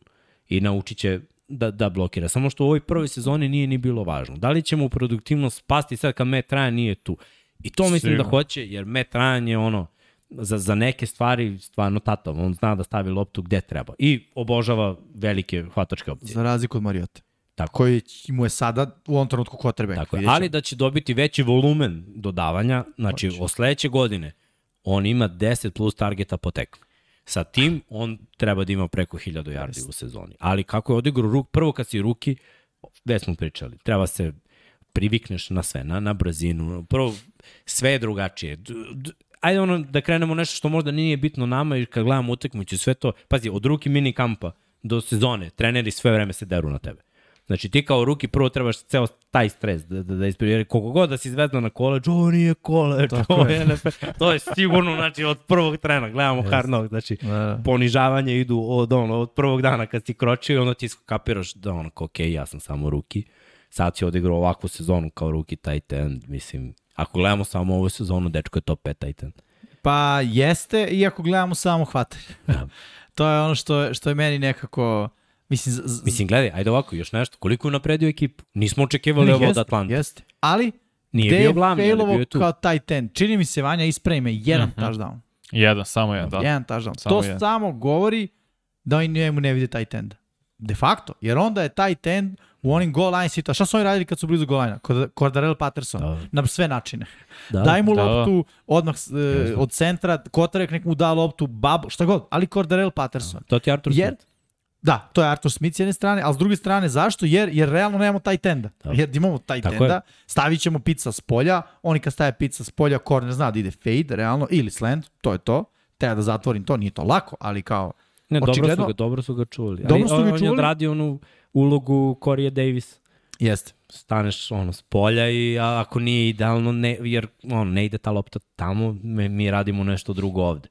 I to je Arthur Smith u stvari. Mislim, da. malo mu je oduzeo on tih prilika u, u crvenoj zoni. Slažem se, malo je. Ali opet to je nešto na čemu on može, znaš, opet je zastrašujuće u stvari koliko, nabrojali smo, nije vrhunski bloker, nije imao veliki broj touchdownova, imao je ovakvu sezonu. Brate, šta će da bude ako se popravi kao bloker i uhvati, ne znam, 7-8 touchdownova. Ne, pa neminovno će on sledeće godine biti opcija u svakoj priči. Da. Mada okej, bit će tu Patterson, u tim uh, ono, goal line situacijama sigurno će opet ići lopta više ka Pattersonu. Sad ide read option quarterback. Tako i Da, read option Mariota. kotrek, bit će i tu nekih dodatnih mm. stvari, ali definitivno će više on biti ono, opcija za, za gađanje, jer i on je imao spektakularna hvatanja, stvarno, tu nema govora. Hvatao je neke lopte koje mnogi ne bi uhvatili, ne samo taj tendovi, već i hvatači. I za to mora da mu se je prizna. veći deo sezone bez Calvina Ridleya kao prva hvatačka opcija. Da. Sa Gage-om, sa Zakajosem. Da. Znaš, ono, pogledaš, Jeste. nije se baš od njega ovaj, Oči su uprate u tebe sad. Tako je, svi, brate, i odbrana, i napad, i ov, cela tvoja ekipa, i vlasnik, i menadžer, znaš, ono, šta smo mi ovde izabrali da zameni Julija Jonesa. Zna- Znaš, nekako je sve bilo protiv njega, mi smo bili protiv njega, ti naroči si i dalje protiv njega. Nisam, ni vidi, stavio sam ga u top 5. Sad baš gledam, svi smo ga stavili u top 5. Borazer iski dogojen. Jeste, pa vidi, top 5. Top 5 tight endova, a ruki si. Moramo mu damo Respekt. respekt. I Moramo. Atlanta su ih sedam pobjeda, ja nisam vidio sedam pobjeda za Atlantu nikako prošle godine. Istina. Isto, isto. Istina. Slažem. Samo pre nego što odemo na top 3, moram kažem da je realno ova top tri igrača, svi znaju ko su, ali to je neka kategorija za sebe što se tiče pozicija tight end. Stvarno Jest. su za nivo ili dva bolji nego svi ostali. Jeste. Tim Samo ću možemo. da, da kažem što se pizza tiče. Znači, Vanja ga je stavio na četvrto mesto, mi svi ostali na peto. Što se tiče četvrtog mesta, Mixi je tu bio Nox, uh, Ercegu Kittle, meni Gadert. I Vanji Pic, to smo već rekli. I sad možemo da krenemo na listu za sebe, a to je prva tri tight Da. enda. Mhm. Pre svega zašto? Zato što su oni svi i dobri blokeri i dobri hvatači. Da, da. Nema zamerke u igri. I nerešive enigme. I nerešive Oni enigme. Kad su, kad su zdravi, kad su, ono, da kažeš na, na utakmici 100%, ne želiš ni ono deli sekunde da skineš Jeste. oči s njih, jer svaki od njih je imao ove godine 200 yardi. Da, da. Jeste. Vanja, vrati slovo, samo moram da, da ga izgovorim. Aha, na mestu broj ajde. 3 nam je George Kittle. Ja mislim da je onako, znam šta je meni bila logika. Kittle mi je od njih trojice najveći, iako nije, ali najveći injury prone. U smislu, Isto, će svake je. sezone propustiti Nekoliko neke mečeve. utakmica To zbog- se uvek dešava. Zbog ovoga ili onoga, zbog povrede, sad da li je povreda, ne znam, ovoga ili onoga, to je već druga stvar.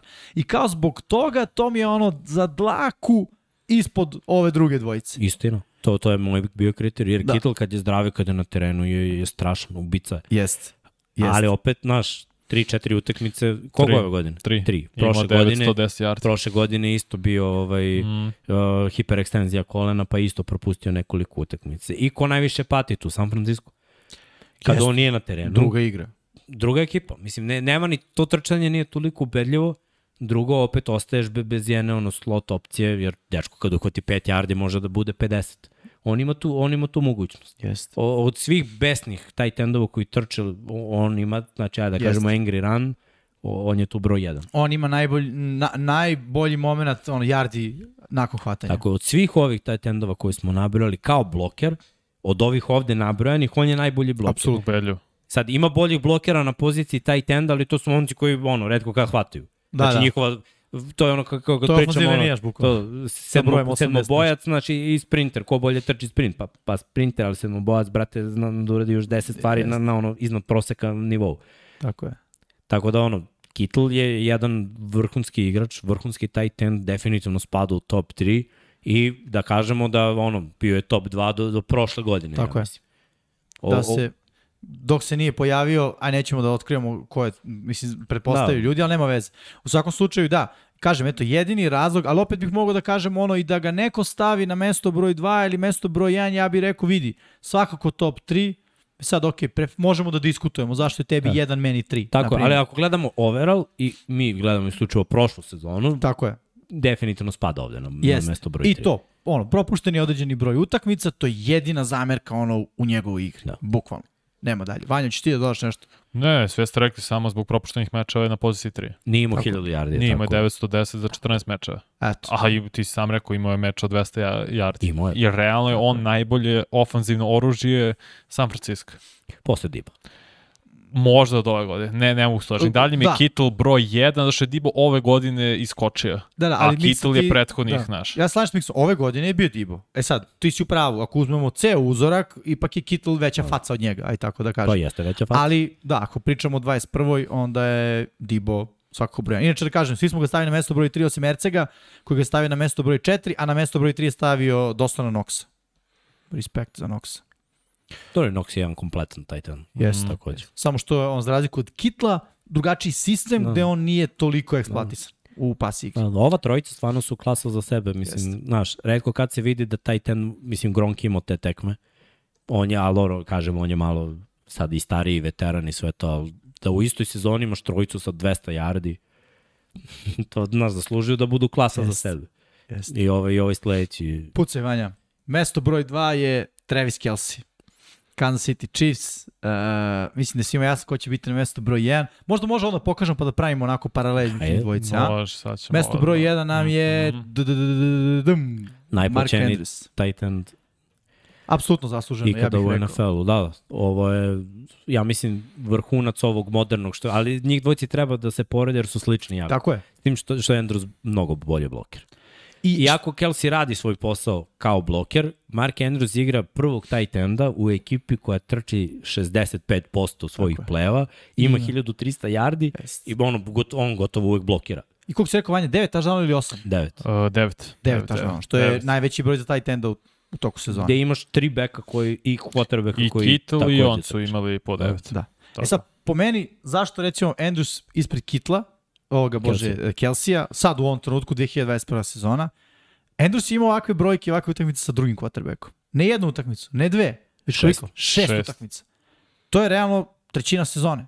Trećinu sezone tebi baca backup quarterback u sistemu koji je pravljen za prvog quarterbacka, a backup quarterback je ono mini verzija prvog quarterbacka sa lošijom rukom, Jednu- lošim odlukama da. i lošim trčanjem, da Jednu kažem. utakmicu treći quarterback.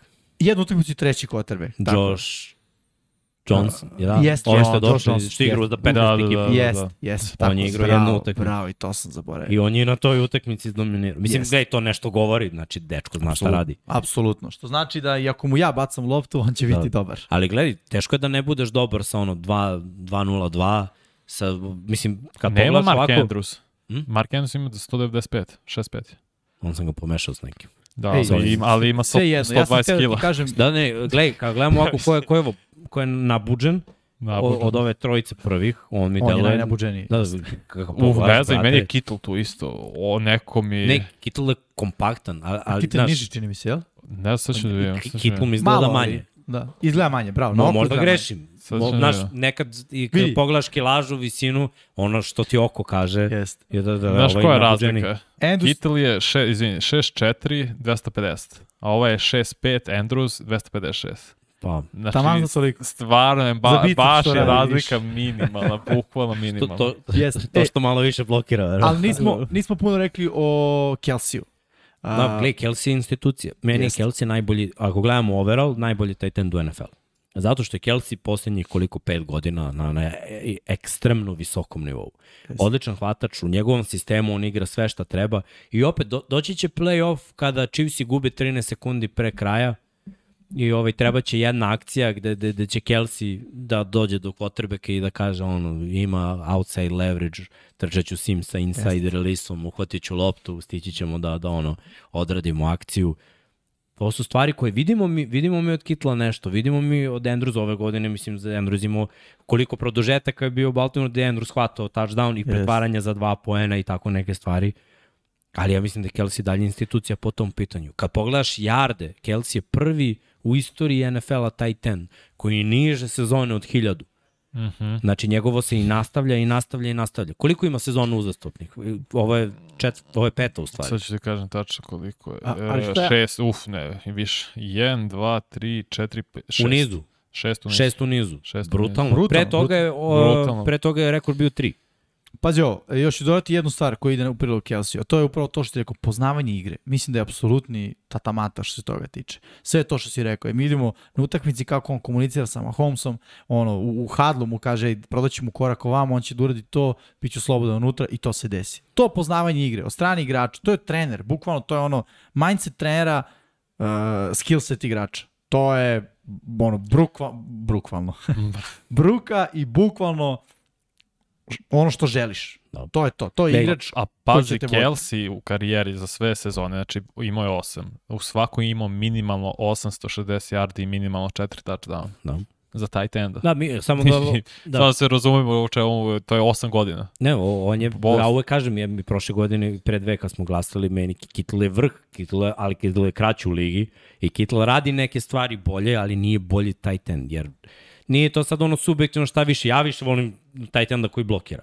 I, i iskreno više volim taj tenda kao, kao Mark Andrews, ali Kittle ne rešava enigma. Kittle je toliko dobar na svojoj poziciji da taj Rika Hilla pošaljaš u drugu ekipu jer pre bi zadržao Kittle. Kittle, da, da. Ovo je Kelsey. Kelsey, bože. Da. da. Nerviraju me što se prezivaju na, na K. Da, jeste čovjek. Kad uđemo oko mašinu mešam. Ali opet, znaš, pustiš, pustiš taj Rika Hilla da ode, Znaš, naći ćeš ti drugog da trči fade post i, i ovako neki, ovo što radi Kelsey, to ne može da se nadomesti. To, to su neke stvari koje će ostati. Isto konekcija Mahomes, Kelsey, konekcija Lamar i Andrews. Mark Andrews.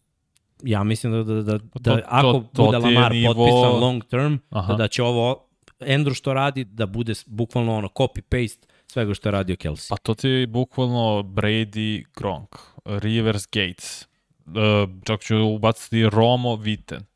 Znaš, to su te konekcije quarterback tight end, koje je stvarno jedinstvene. I Peyton je imao tight end u kolcima. Imao je. Uh, Elway, Shannon Sharp. Da. Isto. Ove je bio... Tight end u kolcima, čoveče, ne mogu. Uh, Clark, Dallas Clark. Dallas Clark. Dallas Clark, bravo. Bez rukavica. Da. Da, jeste. Mislim da, da, ok, možda će neko reći da je Kelsey broj 1. Ja bih isto rekao, nemam problem s tim. Ali ako posmatramo sezonu 2021, opet kažem, po meni ono, pritom, setimo se, Kelsey je na početku sezone imao par utakmica gde se, gde se nije pojavio. No. Gde je bilo ono kao, čo, celi, kompletno napad Chiefsa, bilo kao šta se dešava ljudi, ono, no. kao su ovo Chiefs ili šta je ovo. Uh, Andrews s druge strane nije. Konstantno je produktivan i e, opet ponavljam. Andrews jeste prvi meč. Je bio loš protiv uh, da. Raidersa. Imao je samo, sad ću se kažem koliko tačno, 20 yardi. No. Okay. To je najslabiji meč. Posle toga je sve bilo stvarno, stvarno brutalno. Tako da, ali taj neki subjektivni osjećaj je bio ono, znaš, da, da, cele godine igraš najbolje ocene brutalno, da. bacati drugi quarterback, bacati treći quarterback, za tebe tvoj učinak nema razlike. Da. Touchdown i jarde, sve je tu. Tako Pritom je. ono, igraš bi i kroz bol. Mislim, znaš, Igraš sve utakmice. Mislim, gledaj, on ima i tu situaciju, sve ovo što je igrao ove godine, on je inače diabetičan. I Ma, iti, čitava, čitava situacija sa, sa ono prošle godine sa covidom i sve kako uopšte, znaš, kako da održiš ovu masu i sve. Ne, kroz, kroz kontrolu svega toga i, i da, da igraš na ovom nivou, to, to, to je, mislim, nije to sad kao da, da utiče, nego samo za respekt. Jeste, jeste, mislim, za dodatno nivo respekt. I da posvećenost i svega. Mislim, zato mu je Baltimore koji uvek, jel ti isto pošto tight endove, dao ugovor da, da bude najplaćeniji, jer u ostalom vidi se to, nije on tek tako istisnuo Haydena Hursta. Ja mislim, prve utakmice pred sezone se videlo da, da je Andrews s Lamarom stvorio neku konekciju. Jer je on isto košarkaš ima znači, brutalan način okretanja iz rute gde, gde ne možeš da predvidiš na koju stranu će, će da ode. I opet sa svojim telom, sa svojim znanim dugim rukama. Bilo je jedno hvatanje ove godine gde je bio pass interference, gde, gde, gde ga je ubio ovaj DB, koliko ga je vuko iza dre, iza ruke i sve, i on je uhvatio jednom rukom spoda loptu. Da, Čovek od 2 metra, od metra 95, mislim, to, to su stvari, to ono što kažem što ima, što ima Gronk nekada, što, što ima Gesicki i što imaju Kel, Gronk, Kelsey i Andrews, ja mislim da, da je ove godine imao toliko tih spektakularnih hvatanja da, da se samo istakao kao, kao najbolji tight end prošle godine i da će samo ići na bolje jer Baltimore neće menjati u napadu ništa. Slažem se. Oni će se vrtiti, znači sledeće godine, ako gledaš Hollywood Brown, ulazi u tu posljednju godinu ruki ugovora, bit će tagovan za tu jednu godinu, nakon toga verovatno ide dalje. Okreću se ka Batemanu i ka nekim drugim projektima, ali Andrews će da bude tu zacementiran kao ono lice franšize i to Tako je to. je. U ostalom, on je najbolji hvatač u istoriji franšize Ravensa, Naravno. kao tight end ove godine. Znači ima najbolju sezonu ikada. Da. Znači to ti govori samo kako Baltimore nikad nije imao ovako nešto. Tako je. I koliko je on u stvari poseban. Jeste. Ok, hoćemo vanje da bacimo pogled na celu listu još jednom. Mhm. Ovo je naša lista prema konsenzusu, top 10 tight endova. Znači još jednom, Fryermuth broj 10, Gesicki 9, Gronk 8, Schultz 7, Knox 6, top 5 Dallas Goddard, uh, Kyle Pitts na četvrtom mestu, Kittle treće mesto, uh, Travis Kelsey drugo mesto i mesto broj 1 Mark Andrews. Na brzinu da bacimo pogled i na to e, kako je kod nas e, to izgledalo pojedinačno. Po meni, koje je bilo novo ime, pa niko zapravo, ja sam sve iz top 10 imao. Uh, svi, da, Da, da, svi moji koji su ovde su već na top 10, možda drugačije poređani. Što se tiče mikse, tu je Hunter Henry na mestu broj 10, on je da kažemo novo ime, ostali 9 su već u zajedničkih top 10. Što se Ercega tiče, tu je Zach Ertz, a, ostali 9 su isti, kao što su nama evo, po konsenzusu. Vanji je takođe tu Ertz, preostali 9 su a, isti taj tendovi koji se nalaze na zajedničkom top 10. Nije bio puno teža zadatak što se tiče taj tendova. Mislim da na sad ove naredne nedelje, kada budemo obrađivali ofenzivnu liniju, će biti malo onako teže. Možda prva tri budu slične, ali nakon toga će, čini mi se, Čekaj, onako... ćemo celu ili kako? Tackle, guard, centar ili A, mislim da ćemo tackle da- odvojeno, guard, centar? Teklove Pa da. odvojeno centar guard zajedno. Da, Ok, da, ok, da. ok. Dobro da znam. Jer uh, tako ću. Da. ne moramo 10 centara da, Pa, da vinjamo se svim centrima i- i gardovima. Veliko poštovanje za te pozicije, sve u ofenzivnoj liniji, ali ovaj uh, Miksa završimo rečenicu, ne znam šta kaže.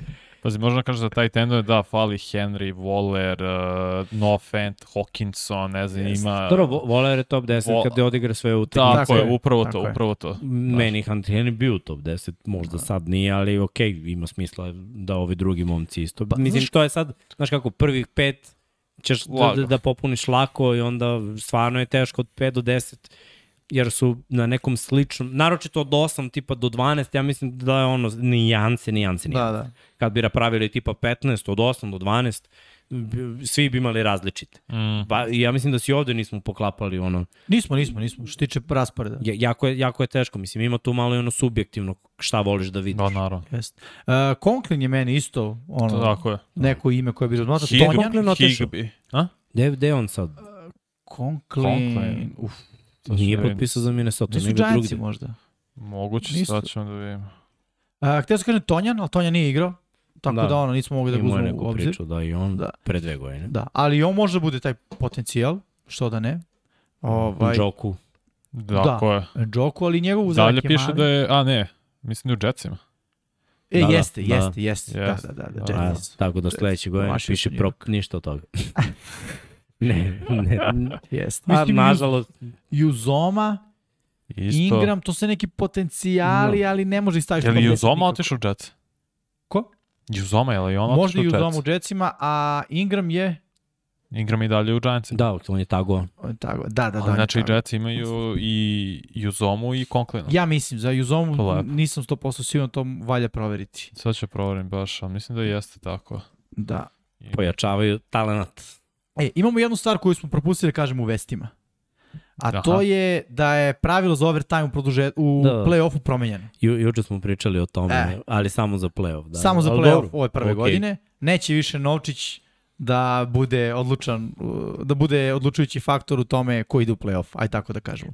Odnosno, od sledeće sezone u play-offu, kada dođe do produžetka, i jedan i drugi napad ćemo gledati na terenu sigurno. Je li usvojeno sa onim što su Eaglesi predložili ili što su... Nisu Pre- detalji izbačeni šta je usvojeno, samo su izbacili vest. Ne, nije ono kao detaljno, samo su izbacili vest da u play-offu obe ekipe će Ok. imati šansu da idu. Pošto je, čini mi se da je predlog Eaglesa bio da a, obe ekipe imaju pravo na napad, osim ako ekipa koja prva ima napad ne postigne touchdown i konverziju za dva poena. E onda ovi nemaju pravo. A, e sad, ne znam koja, a druga verzija je bila šta god da se desi, imaš Da, da. pravo na odgovor. Mislim E sad da, da će biti, će biti. to, da, da ima odgovor svakako. Da ima odgovor, da. Bez Pa to je bolje, realno. Da, pa naravno. Pa i ako daju touchdown i konverziju, daj ti Daj touchdown ti, i da, konverziju, tako pa idemo je, dalje. tako je. Sad? E, Ingram je u Jacksonville. Evan Ingram. Da, Dobro. da, tagoni su, ali ga na kraju nisu ono long term izgleda. Da, A da. i Uzoma jeste u Jetsima. da, Sa da. Conklinom, tako Dobro. lepo to grade Jets. Dva dobra tight end. Mislim Jackson ili, ili ide all in. To Da, su da. prošli da je rekao da, da, Dagi P, ovaj, nećemo svake godine da potpisujemo sedam igrača, pa je povuk ove neke mlade, ali to je sve jedan veliki projekat U suštini, da. diviziji koja se raspada Koji u konferenciji koja je gde je ta divizija ubedljivo najgora, mislim. Ubedljivo. Ali ubedljivo. To je ono, gori su nego isto kao NFC. Svaka druga divizija, četiri ekipe mogu play-off. Jest, Da, jest. sve dobro. tačno. Jets. Sem Jetsa, da. Dobro. Skor. E, dobro, da. Da, da. Okay. Skor. Bićemo, ja. Da, tu Serki otišao, ti ne znam da si to čuo. U New York, da. A, mora. Ne vredi. Daću ja njemu ta putovanja, samo ga vidim sledeće. Samo da ga vidim. Bravo. Postoje kao vozač Formula 1, čas ga više čas ga ne vidiš. Tako je, tako je. Ok, ćemo pitanja, Vanja? Hoćemo pre Ne, ne, pitanja. mock. Tako. je, O, da, bravo. da, da, da, Vanja, izvini. Mock draft. Ne, baš šalim se. Ovo je tvoj segment, definitivno. Da, sad ćemo mock draft da uradimo. Mix, ti nisi video grafik. Ni, uh, vidio sam... A Ovaj, vidio sam sleku. a. E, mock draft, stvarno sam gledao i, po, i o, team need i kakav je šema i trener i dosta se, do, više sam bazirao šta je ekipi trenutno potrebno. I zato sam krenuo prvi pik na draftu, Jet, Jagu- Jaguars ide i Cam McVonu, ovozeni tackle i guard sa North Carolina State, jer gledali smo Jimmy ja ocene e, ta, uh, teklova Jacksonville, to je grozno. To je ba, Ma- no, mnogo Ma, realno. Mnogo, Prethodna mnogo sezona je baš bila paklena za Jacksonville, ali ne možeš da izabereš Da, quarterbacka, ono, kao da kažeš prvog pika i da očekuješ da staviš krš ofenzivnu liniju i kao daj nam, daj nam pobede i ajde sada da se priča o nama. Tako ne, je. ne ide to tako. Ne, ne, ne, apsolutno mora se popravi ofenzivna linija. S druge strane, Lions i zato uzimaju možda i najboljeg igrača Edge-a, Aiden Hutchinson sa Michigana, na koga mi deluje da Lions je zapravo potrebno, jako imaju solidnu defensivnu liniju, gde i Brokers i Romero kvari sve, ali Dan Campbell mi deluje kao taj trener koji voli fizikalno da igra, pa ubaci još jednog nešto na po principu Washington Commandersa. Vidi, ja, ja sam baš s Vanjom pričao pred početak, uh, nisam pratio college ove sezone, ali sam rekao Vanji, Lions će uzeti najbolji igrača na draftu u tom mm -hmm. trenutku, odnosno sa drugog pika. Da. Tako da kogod oni procene da je to, nisam pratio, Vanja mi kaže da je Hutchinson Hutchinson je bukvalno ubica. najbolji igrač na, na, na draftu. Da, I da. gle, ima Potpuno smisla. ima smisla. Jel njima I- treba lice? i Koje je de- lice Lionsa? Niko. I de, gledaj, i 90% će se desiti da, da, se, da, da bude tako nešto. Tako je. Ali opet s druge strane postoje onih 10% ludačkih da tipa, ne znam, e, ekipa koja je na poziciji ono, unutar 10 Da želi njega Da. i da im daju tu poziciju broj 10 I drugo. i još jedno. Da. I onda ti razmisliš, ok, možda nećemo uzeti to lice, ali top 10 je i dalje lica franšize, Jest. a dobijem još jednog pika, mislim, treba mi talent, jer ono, nemaju talenta u ekipi. Nemaju, Lions imaju najbolju belju ofenzivnu liniju, da ti imaš Sewell, Vajtaja, Ragnov, Joe Jackson, Taylor Decker, to je Jeste. mnogo dobra Ali tu ofenzivna postoji linija. jedan problem. Ofenzivni naši uglavnom ne prodaju dresove. Istina. Gde ti je, gledaj, evo sad od ovih, Istina. na, na, na, ajde da kažeš da imaš solidan backfield, meni se sviđa, i ovo Swift i mm -hmm. ovo što iz Green Bay-a došao. E, Jamal I- Williams. Jamal Williams. St- Stvarno su mi dobri i dobra su kombinacija i kompletni su running backovi. Hvatači tanko da tanje ne može da bude. Bukvalno. A da, ovaj, Hawkinson je najbolji hvatač, Amon? Ra, Ha, Pa dobro, ali to, to ne, ne znam, nije mi to to. Iskreno, ok, Da, da. nije, nije loše, Da. ali nije mi to to. Ja bi sad kupio njegov dres. Pa ne, ja ne bih kupio ničiji bi dres. kupio, da, da živiš u Detroitu, kupio bih Hutchins, ovo, Da živim u Detroitu, TJ. kupio bi kartu je. za LA. Da. s druge strane, Texansima kojima je potrebno sve. Isto. Da se razumemo, Isto, pa gledaj, baš sve. draft. Ali baš zato Baš sve. to su ove ekipe gde se isplati do negde daš dobrog igra, ovog najboljeg igrača, mm. u stvari, ja ti uzmeš drugog igrača koji je jako dobar Da, da. i još, još jedno. Mislim, imamo tu ekipu koja Trade ima dva down. Pika Da, u prvoj da. rundi čak. Ali zato Kyle Hamilton je stvarno, čo, mnogo me podsjeća na Derwin Jamesa. To je ko može igra safety, a malo linebacker, malo cornerback, može stvarno dosta pozicija pokrije odbrane, pogotovo Houston gde je stvarno rupa na sve strane. I, po, i leko lica franšizi. Derwin James je do nekle pre Herberta, dok je još Rivers bio pri kraju, bio lica franšiza Chargers. Kao no, u, na strani odbrane on enjoy bossa, tako da drug Hamilton je meni idealan pick za Texas. Dok Jetsi dobiju po nekima najboljeg igrača Kevin Thibodeau koji je pre sezone bio ocenjen kao najbolji igrač. Isto edge rusher, a Jetsima je potrebno to u defanzivnoj liniji. A znamo šta Sala voli. On gradi defanzivnu liniju kao što je radio u San Francisco. Brutalna Jeste. defanzivna linija Pritom, i dovedeš njega sad. Oregon e sad, je... pogledajte talent, uporedi malo. Talent Jetsa ove Sad- godine koja kaže. predstoji i talent Texans i Lions. Pazi, Znači, a, pazi Jetsi su već Jetsi. prošli tu crnu rupu da nemaju ništa i onda prošle godine su, Mhm. evo, za početak doveli Corija Davisa, koji je priznat hvatač. Tako Isto je. bio pik prve runde. I sad su nastavili da grade u tom smeru. Znači, bilo je drafta, doveli su i tu prošle godine još, još jednog hvatača, imaju ruki quarterbacka, sad su doveli dvojicu tight endova. Da, da. Uh, running back je, je, znaš, i malo, malo, malo, malo potpiši ovog, dovedi onog za ovu godinu, Jetsi su mnogo talentovani od Texans i Lions. Oni biraju nis- ovde sa broja četiri. Tako je. Njima se ne isplati da idu dalje. Pazi defanzivnu liniju. Quinnen Williams, Solomon Thomas, Sheldon Rankins, Carl Lawson. Znam. I tebi baš treba taj još jedan gde može i da rotacija bude konstantna, da A- bude stvarno mnogo dobra defanzivna Kakav linija. im je online? Jetsi. Slabiji. Da. Backton, To ne bi uzeli Ali gledaj, imali su, online. imali su mali, Da, imali su mali hendikep da, da Beckton prošle godine bio povređen. I ono, to, to je u stvari njihov projekt. Oni su teli, krenuli su od leve strane, Da. da, da, da, ono, da srede od tekla preko garda pa da idu dalje, međutim, znaš, ono, kad ti ne igra startni tekl, imaš ruki kvotrbeka i ruki ti je gard, onda, znaš, nije, nije to baš idealno. Slažem se, ali ako je logika za Jacks je bila uzmeš kotreka da ti bude prvi Da. pik na draftu, gradi online, mislim da bi mogao, mogao bi ovde da padne možda i online za Jets, ali ima smisla što kažeš Vanja i da to bude neko iz Samo sam gledao zbog filozofije Sala, on voli, on je Da, defensivno da. orijentisan, znači, ali Beckton, Laken Tomlinson je potpisan iz San Francisco, levi guard, Conor. McGovern je centar, Elijah Vera Tucker, desni guard koji je bio dobro kao ruki i desni tackle je George Fent koji bi trebao bude upgrade zapravo. I to će možda... I dodaš dva tight enda, mislim. Da, da, bolje. Ako ti je frka za protekciju, im, imaš do nekle pomoći. Zato Giants ima, mislim, mora ofenzivna linija. Evo Neal je možda i najbolji, ta, možda i najbolji tackle prospekt pored Ekvonova i prosto Giantsima trebaš. Uloži sve u Danny Dimesa sada. Tebi ti, to ovaj koji je bio s leve strane, sad ću ti kažem, s leve strane je Andrew Thomas, koji je bio onako. S desne je Matt Gono koji je grozan. Dobro, dve godine, dve godine su se baš mučili Giants sa rotacijom u ofenzivnu. Oni su kao Mm. pojačali ofenzivnu liniju, pa je sve to propalo. I Sa ovog, Nate Solderom. Soldera su doveli. Da, da, znaš, nije i se to, to, shvatilo. to, sve njihovi propali projekti. Mislim, možda i nije samo do njih, možda i do ono šeme trčanja i pasa i akcija i svega, ali realno gledano nije bilo dobro. Sad napravi ekipu tako da ako Danny Dimes nije rešenje sledeće godine, dođe biraš neki quarterback, U boljoj klasi. razumeš i ima bolju ofenzivnu liniju i sva oružja si mu ostavio na tad. Jeste. Tako Mislim, oni su potpisali uh, i ovog Sterlinga, Sterling uh, Shepard. čini. I uh, imaju. Kaderiju Tonija. Pa, tako ga. Golade, Mislim, Golade. tako je, Golade je tu i koliko sam nešto razumeo, Sekuan Barkley ostaje. Da, da. Da, da. Tako da ono, Moraš ofenzivnu liniju.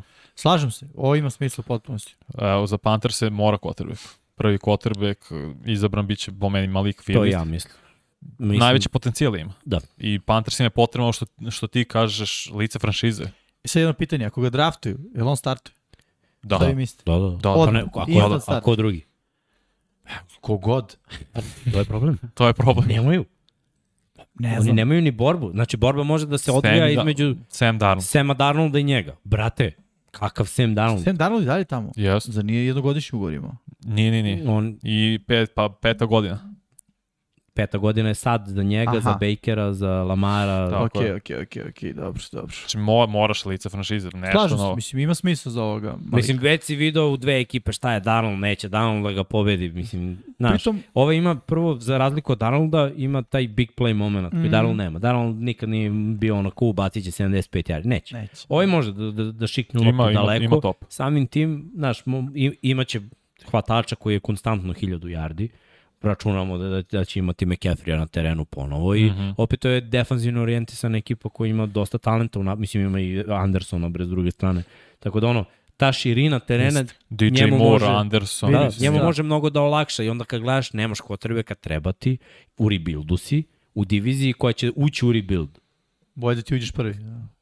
Re, reš, mislim, ajde, Atlanta je već ušla prvo. Ali su isto. Ali Saintsi se i dalje drže sa zvezdama. Atlanta je ušla u rebuild. Da, da. Jest. I gle, Atlanta je sada na dnu, možeš da je preskočiš ove godine koje mali bude okej. Okay. Da, Jer mislim, opet, od Mariote znam šta imam. Jeste. Znaš, Istina. Realno i pa Karolina ima bolji roster nego Atlanta. Ima. Na mnogim pozicijama. Ima. Pogotovo odbre. Paš, opet Giants ima ovaj centar, da nije pozicija centra, bio bi top 5. Mislim da će on pasti još, ali Tyler Linderbaum je stvarno tip igrača kao Quentin Nelson. No. Ti znaš, on prvi dan kad bude bi, ušao u NFL, on će biti pro ball kaliber igrač. Paziš, prošle godine se pričalo o njemu. Da, brutalno. Najbolje ocenjen centar uh, u Pro Football Focus na koleđu, ikada. To je stvarno Ludilo. nebitna pozicija, možeš da draftuješ ovako, pogotovo kada si Giants gde ti je krš ofenzivna linija. Dok Atlanta, mislim, sve, ali mora wide receiver, nemaš. I Gage je otišao, nemaš ništa, sem pizza. Da, da. Atlanta sigurno, gledaj, Atlanta je sad već u onom modu da prvo Arthur Smith sa svojim napadom, ono, našao sam taj tenda, sad mi treba druga strana, treba mi neko da, da ne, ne možeš ni Mariota onda da kriviš za, za sve što bude i da lošlo u napadu, znači treba ti nešto. Misliš da će Wilson biti prvi hvatač koji ode? Uh, da, mislim da hoće.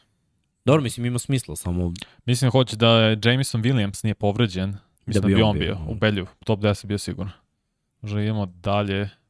Na Seahawkse koji sam isto dvomi za quarterback, ali tu mi dalje Baker u igri i rekao, ok, secondary je grozan, izaberi zversta ja LSU-a. Da će oni ove godine gurati sa Lokom da. A, i da će mhm. sledeći godine da draftuju ili ovog Ratlera ili Bryce'a Younga i da će to biti njihov plan da, za da. naš. Više ima smisla.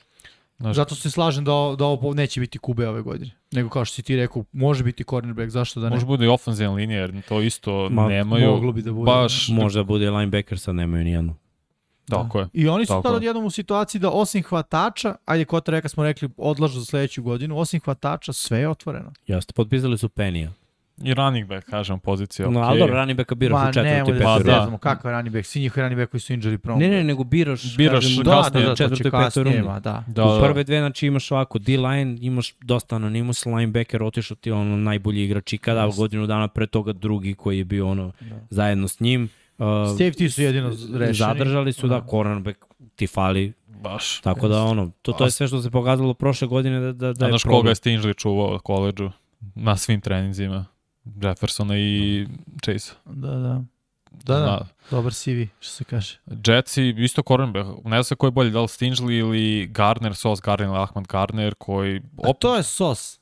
Da, da. To ja sam mislio da mu ime Sos, rekao, kakvi roditelji čoveč. Hot Sos. Mislim, znam da žete ime Sos. Mislim, okej, okay, ali ono kao... Realno, mislim, Jetsi baš fali isto koren. Nemaju, imaju Bryce Hall, a s druge strane nemaju nikog. I ti si sad napravio brutalnu defanzivnu liniju, ok, CJ Mosley dalje inside linebacker, šta se radi, ali treba ti, treba ti cornerback. Tako s te strane, zbog toga, Commanders i to je Washington, wide receiver Drake London. Ti si mislio da će možda onda ide mix? Ne, ja sam mislio da će onda ide u Phil. Ne verujem da će biti pre... Znaš zašto? All in e, na Venca. Fali ti svako ti fali neko pored McLaurin. Gledaj, samo ugovor Venca i Oli. A, brate, realno. Jest. Uh, zašto što je London veće telo, ja mislim. 6-5 je, znaš. Da, dobro, pored, Mekl, nije, uh, čini mi se da je ovaj Olave ili Olavi ili Olave, kako se već izgovara, nisam siguran. Niži, on je malo veći. On je da više telo Terry McLaurin. Da, da, da. Nego što je, znaš, London je drugo, to ti on, imaš jednog, imaš drugog. E sad, imaš, lupam, DK-a i imaš Loketa. Osim ako nisi u fazonu, hoću likove tipa ovoga Terry McLaurin, Olave, da samo da gomilamo. Ima i takvih ekipa. Da. Ne brini, naći će Vance način da baci Darius Slayu. Vrlo moguće. Zato Vikingsi, cornerback Trent McDuffie s Washingtona, mislio sam Edge dok nisu potpisali za Dariusa i sad neko defanzivna linija mnogo bolje izgleda. Just. Dobro, a secondary... Peterson je ovaj potpisao, doduše traži se uloga, mislim, bilo je nekih nagađanja. Mm. Da li se seli sa outside cornera na, na, na, ono, na, Nikola, na nekog, pa da ili na nekog strong safety-a sa Harrisonom Smithom u tandemu ili ostaje... Da, mislim im, ima smisla. Mada ja da sam Vikings i pre bi bio online, iskreno. Jer najveći problem, ja mislim, za Kirka Cousinsa je bilo on u travi. Pogodili su sa Derisom prošle godine.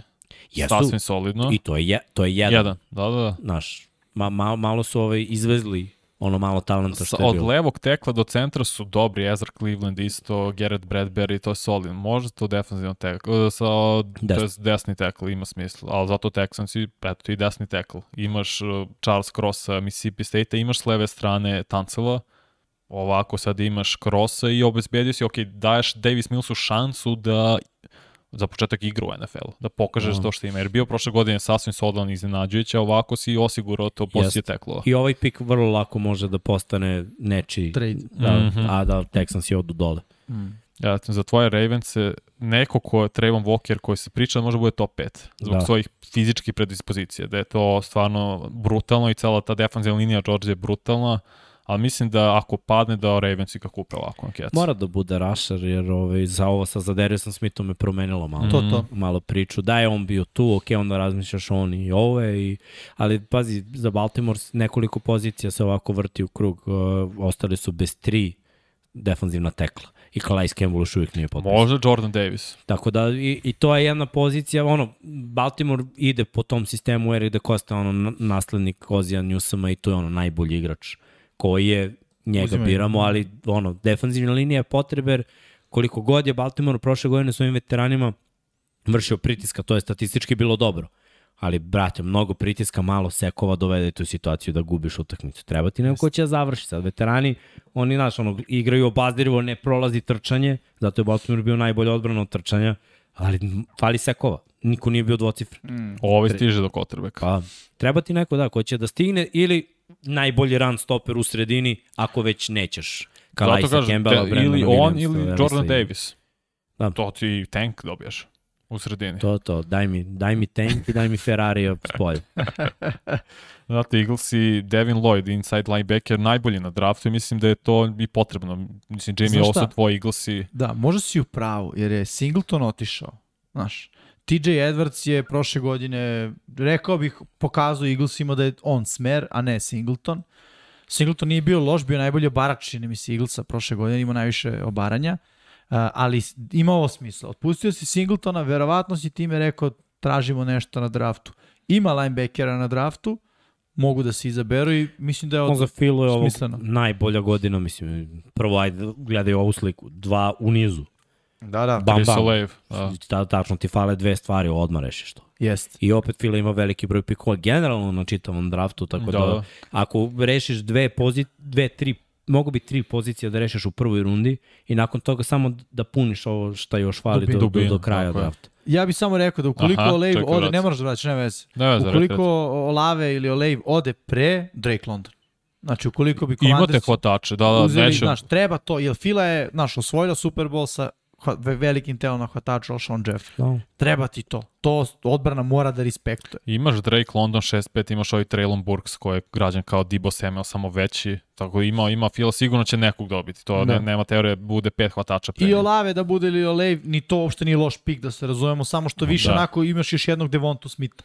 Sad za moje Chargers se mora linebacker na Kobe Dean ili ofenzivni tackle ili desna strana se zaštiti koja je bila grozna, pošto se prošle godine ubio, ubao sa Slaterom ili neko ko mu treba unutar da pozicije linebackera pošto Bobby Wagner više nije u igri u Ramsima, ali na Kobe Dean neko ko pokriva celu širinu terena. I to je pokazano na Georgia. Imaš sada dobru, dobru defanzivnu liniju, on u kombinaciji sa Kenneth Mario može stvarno da čini čuda. No, Georgia je ove godine, ono što je Alabama bila svih Svih. prethodnih deset. Dobro, Da. potrefila im se generacija. Bukvalno. No, baš se potrefilo. Bukvalno baš se potrefio. Da. I Jimmy je rekao pre da ovo izgleda kao defanzivni end. To mu butine, čoveče. Po, Tera pogleda ga celog. Da, da. Ko da je pojao teg i da je zapad. Bukvalno. Saintsi moraju ofenzivnog tekla ili hvatač. Ja sam rekao tackle sad Penning sa, Nor sa Norton Ive, zato što je otišao, kako se zove, u Miami sada, Armstead. I Mhm. sada s- imaš jednu rupu realno na levoj strani koju moraš da popuniš nekako. Istina. I zbog toga, mislim, može hvataš bez problema bude, ali mislim da će se fokusirati, baš je i, i James bio povređen prošle godine, da čisto jačaš tu ofenzivnu liniju. Pa i njihov glavni trener sad, Denis Allen je defanzivno orijentisan trener, Mhm. što obično znači fokus na ono online trčanje pre svega. Tako je. obično znači, ali ne mora, mislim, vidjet ćemo. I Tank ide u Eagles, Jordan Davis, mislim da bi ti Jamie iskreno bio prešen kad bi se ovako neko draft Da, da. odigrao, da dobijaš tri impact startera u Jeste. prvoj rundi. Dobiješ tri instant i impact startera, slažem se i, mislim, vidi, to je ideja prve, prve runde. Da, da. da to budu starteri. Eventualno ako se radi o quarterbacku, tight endu, pa kao, ajde, možda jedna godina ono prilagođavanje ili tako nešto, ali sve ostalo to očekuješ instant start u NFL-u. S druge strane, Steelersi, razmišljao sam ofenzivna linija, ali mislim da je cornerback secondary lošiji nego što je bio prethodnih godina i mislim da za, toliko je dominantna defanzivna linija i sad pozicija linebackera da im potreba neku sekundariju. Da znam i zato zbog toga Andrew Booth Jr. sa Clemsona mislim da će popuniti tu jednu poziciju. Ne znam da će biti odmah na prve hvatače broj 1, ali sigurno će biti starter. Vidi, nije nemoguće, pogotovo što su prošle godine izabrali uh, ovoga, kako se zove? Harrisa u prvoj Da. Harrisa pre nego ofenzivnog linijaša. Da, Što da. znači da će on izabrati najbolji igrača ako, ko je tad dostupan na, na draftu. Neće juriti za online, pogotovo što nema ni puno smisla da Ja gradiš mislim oko da su Trubisku. potpisali, izvini, nešto u free agency, u, u ofenzivnoj liniji. Potpisali su onu unutrašnjost, uh, James, Daniel, Mason Cole, Kevin Dodson, su ta unutrašnja Malo guard, su, center malo guard. su pojačali, ovaj, znaš, te strane. I, ima smisla, mislim, da, da idu na, na drugu poziciju. Da, I opet i neke stvari postoje na neke pozicije koje Steelersi rešavaju vrhunski i u kasnim rundom. Da. Mislim, njima treba hvatač, ali neće ga izobrati u prvoj, ubošće Oni nekog, grade, da. nebitnog u drugoj i on će da bude ono kao Jeste. prva runda. Mislim, to, to je to rade. njihova priča. Tako je. Da, uh, pa eto, kad smo već kod hvatača, Jameson Williams, Patriote, njima je mo, potreban hvatač. Ti, ovo dečko da nije povređen, on bi bio prvi u top 10. Mislim, vidio sam snimke, krenuo je da trči već sada E, i mislim da će al- biti spreman do ne, recimo oktobra, Znaš šta septembra. mislim? Ja baš mislim da Patriotsi neće ići. I, tako je. Ja Ja mislim, Znam, to nije karakteristično njih, ali sad kad gledam, tebi nešto, po, ti nemaš hvatača koji je top 50. Nemaš, gledaj, nemaš ni sistem za, za to. A ko, e, pitam ko je ofenzivni koordinator sad? Dobro, to, to stoji, ali gledaj, kogod da bude, čak i da Bill kaže, ok, vadi mi svoje fioke, ovu, ovu knjigu iz, ne znam, 90 neke, misliš da će da bude sistem gde uz dva tight enda i dva hvatača koje već imaš, dovodiš još jednog Da, hvatača. samo što je ovaj bolji od svakog što imaš. Mnogo bolje. Sve razumem, ali oni neće igrati taj futbol gde će Mac Jones od njega da, da razumeš, napravi nešto. Jed- Jednostavno oni ne igraju taj futbol. Ali znaš šta je drugo Bill uradio? Pustio je dva generacijska cornerbacka prošle godine i ove godine. I. JC Jackson i Stefan Gilmore su otišli. Ja mislim da, da, da ono, on će da se okrene kao ono što je njemu najbitnije, a to je odbrana. Mhm. Ili corner, ili još jedan rusher, jer s druge strane Ima. Judona nije baš bilo onako vrhunski Nije, nije. produktivno. Moglo bi da bude, sećamo se kako igru sa dva vrhunska pritom je Noy cornerbacka. otišao. Tako je. Ili dva vrhunska kornera ili dva vrhunska defanzivna linijaša. To je nešto što on želi da upari. Sada trenutno na rosteru kad pogledaš papir Petrioca, brate, zuji Sad prazno ćemo- i jedno i drugo. Mislim da, da mi je hva... Znaš, u Billovoj glavi kako Bill gleda futbol, a to je old school trener sa old school pristupom, takvi treneri nikad ne biraju hvatača u prvoj rundu. To ti je ona stara škola. I pritom se izabrao je jednom Nikila i opet ko i tu je bio u fazonu, Jer brate, je Harry bio nikad povređen više. kad su ga draftovali. Ne. Nije, Nije, Nije, on se nije, povredio nije. odmah posle. Ovo Kako ideš i na, nije ni igrao. Pa i da. na odnos sa Nick Saban. Gde on iz prve ruke ima... Istina, i to Direkt- je bilo uparivanje Meka Tako. Jonesa sa, sa ovim momkom. Znaš, sve to ima smisla, ali ja ipak mislim da, da Miksina ova filozofija ima, Moguće. da je malo Zuj- tačnije. Ali okej, da, nije Zduj, nemoguće. Gledaj, hvatača, cornerbackovi, viš kako već su krenuli da odlaze Da, da, da. najbolje. Ovo ti je možda poslednja prilika da, da, da, da uhvatiš jednog ili pogledaj koliko ekipa traži rašera. Na, Treba. znači, već, već smo ih prošli. Hvatači, ovo je toliko krcato i plus danas hvatači svi koleđe igraju sistem. Ma Ono, da. da. Da, da možeš ono, na, na polovini druge runde da, da upecaš, da kažeš neku, neki kvalitet prve runde. Mislim, Da, mislim da ono, ako im baš toliko treba hvataš da će tako da ga potraže. Ali ovaj, da, da im zduji ono secondary, sa ovi pazi još njihova divizija. Bills i Miami su se. Ovamo. Tyreek Hill, Waddle, uh, ovamo Stephon Diggs, Gabriel Davis, Da. da. McKenzie. Corey Davis. Bolesno, brate, nije, nije, nije mi Nije- baš, nije nije, mi baš realno da, da ono ko hvatač, brate. Da. Zro, a, Mislim, najveći šok za Patriotsima je JC Jackson što je u Chargersima. To, ja i dalje, meni Ja sam nije najviše jasno. odušen zbog toga, iskreno. Verujem. Ali to isto nešto znači. Bill ga je pustio. Ide, Što ja, znači da je to me malo plaši, prošlo. iskreno. To me malo plaši. Ali Packers ima mora hvatač. Traylon Burks, ovaj, malo veća verzija, Debo Samuel njima mora hvatač. Ti nemaš hvatača, de facto nemaš. Nemaš da. Mislim, to, Moraš. to smo pričali kad je Jordan Love iza.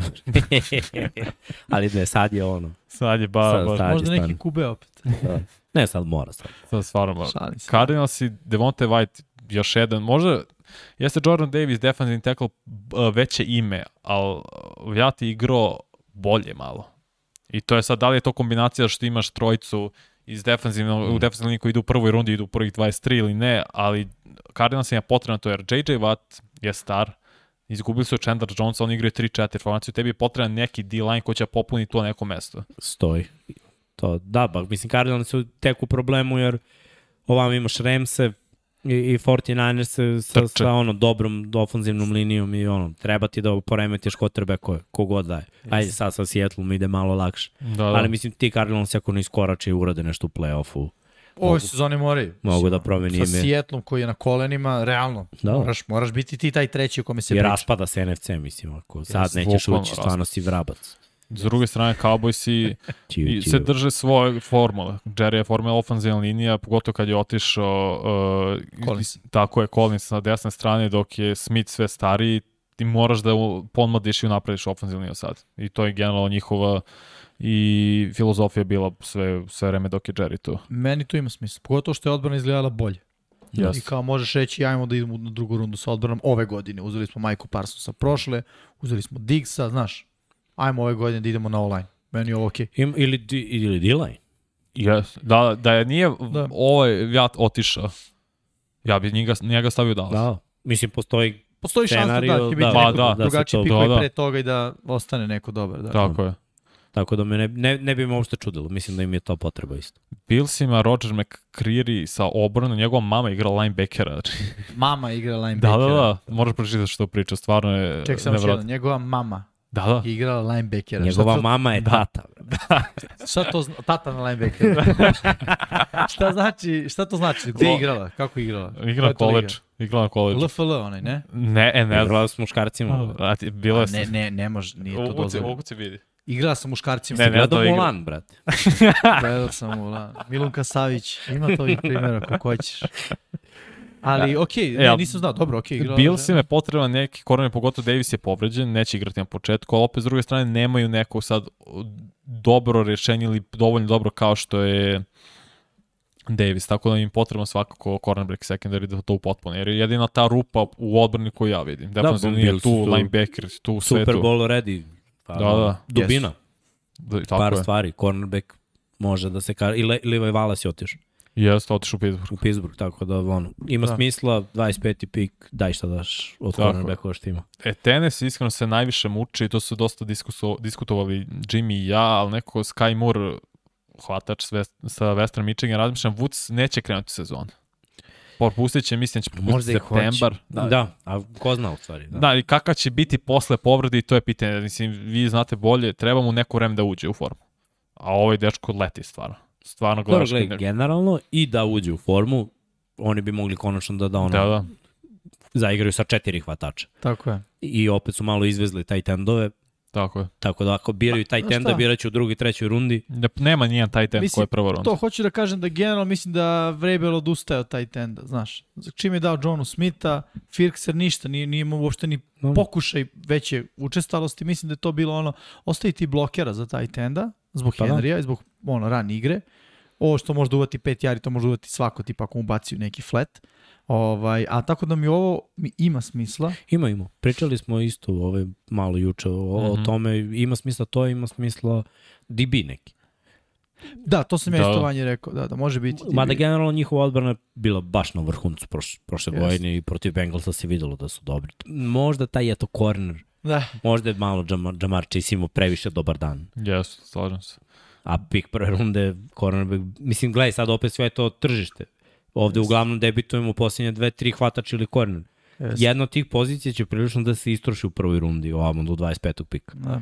Ne, ne znam koja, ne, ne znam ono tok, ne znam kako ljudi razmišljaju. Kad su kod Kormeka, Kyrie Elam sa Floride, Bakanir sam potrebno to u secondary. No. Koliko, me, ja, meni se stvarno ne sviđa Carlton Davis kao cornerback, mislim da je previše precenjen, da je samo ok cornerback, da je defanzivna linija i linebackerska u Super Bowl sezoni dosta povukla, a ovako i s druge strane ti svako potreban neko jer ti secondary bušen bio, pogotovo videli smo šta je uradio Jeste. u poslednjem drive-u Cooper Cup. Gle, i bili su oni svesni toga. Mislim, projekat Richard Sherman je bio Pro- projekat Fail. treba nam neko. Da, ali ok, fail zbog njegovog mislim, fizičkog da. stanja. A, ali opet on je bio onda i trener defensivnih bekova, pa ih je ono, da kažeš, do, do nekli se isplatio, ali on je doveden da bude starter. Njegovo telo nije uspelo da izdrži. Znači, svesni su problema. Svesni su Da, da. problema ko, Mm. kog imaju Ima- i ima vratili smisla, su da. šta su mogli da vrate i to je to. Ide se, ja mislim da se ide baš defanzivno, jer ofanzivno Pa skockano je. Eventualno, pa online možda, ali mo, možda i ne Da. ovde, jer oni su pokazali da znaju da rade. Ma, Dobro. malo su izgubili, izgubili su dvojicu. Da, da. Mislim za sada. ajde. Kapa i, Kapa i- duše, Jensen se vratio. Jens, On da, nego su, su ovo što, Marpet. S, Marpeta. Marpet se povuku, ali Da, da, da, da. opet kažem, to je možda. Dobro, dra- tradovali su za Shaq Masona, to zamenio je kapu de facto. Tač, tač. Pa ćemo vidjeti, ali Packers ima isto potrebna ofenzivna linija, pošto Jenkins povređen. I pitanje koliko će onda propustiti, možda propusti celu sezonu, zato što je slična povreda, ako ne ista kao za Baktijarija Da. bila. A Zion Johnson sa Boston College može da igra i garda i tekla i ubaciš ga sad na gardu na početku, vidiš kako se naći. I on je atleta kao Jenkins. Kad si ti atleta takav, ti možeš da igraš više pozicije. Preko potrebno. Mislim, nisi dao 50 milki Rodgersu da, da, da bi ono sada draftovao dva hvatača u prvoj rundi.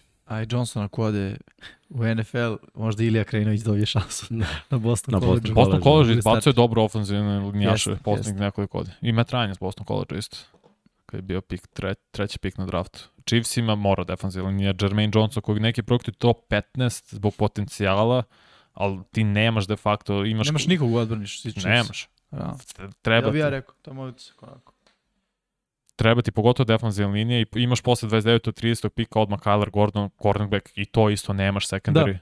Definitivno, definitivno defanzivni draft za Chiefs. Može da je takva divizija. brate, Vrlo lako mo može da ode 8 u prvoj rundi. Da, da, da. Da, da. Što će samo da ti diktira uh, ko, ja mislim najviše će biti hvatača i cornerbackova u prvoj rundi Mm. i to će u stvari da diktira vrlo lako može da se pretvori da da ekipa koja bira između hvatača i kornera, tamo negde na 15. poziciji već ode toliko kornera da, da, da ono kao ok, idemo s ovim jer će se istrošiti. Ta, ono, takva je potražnja. Meni je šest cornerbacka u prvoj rundi.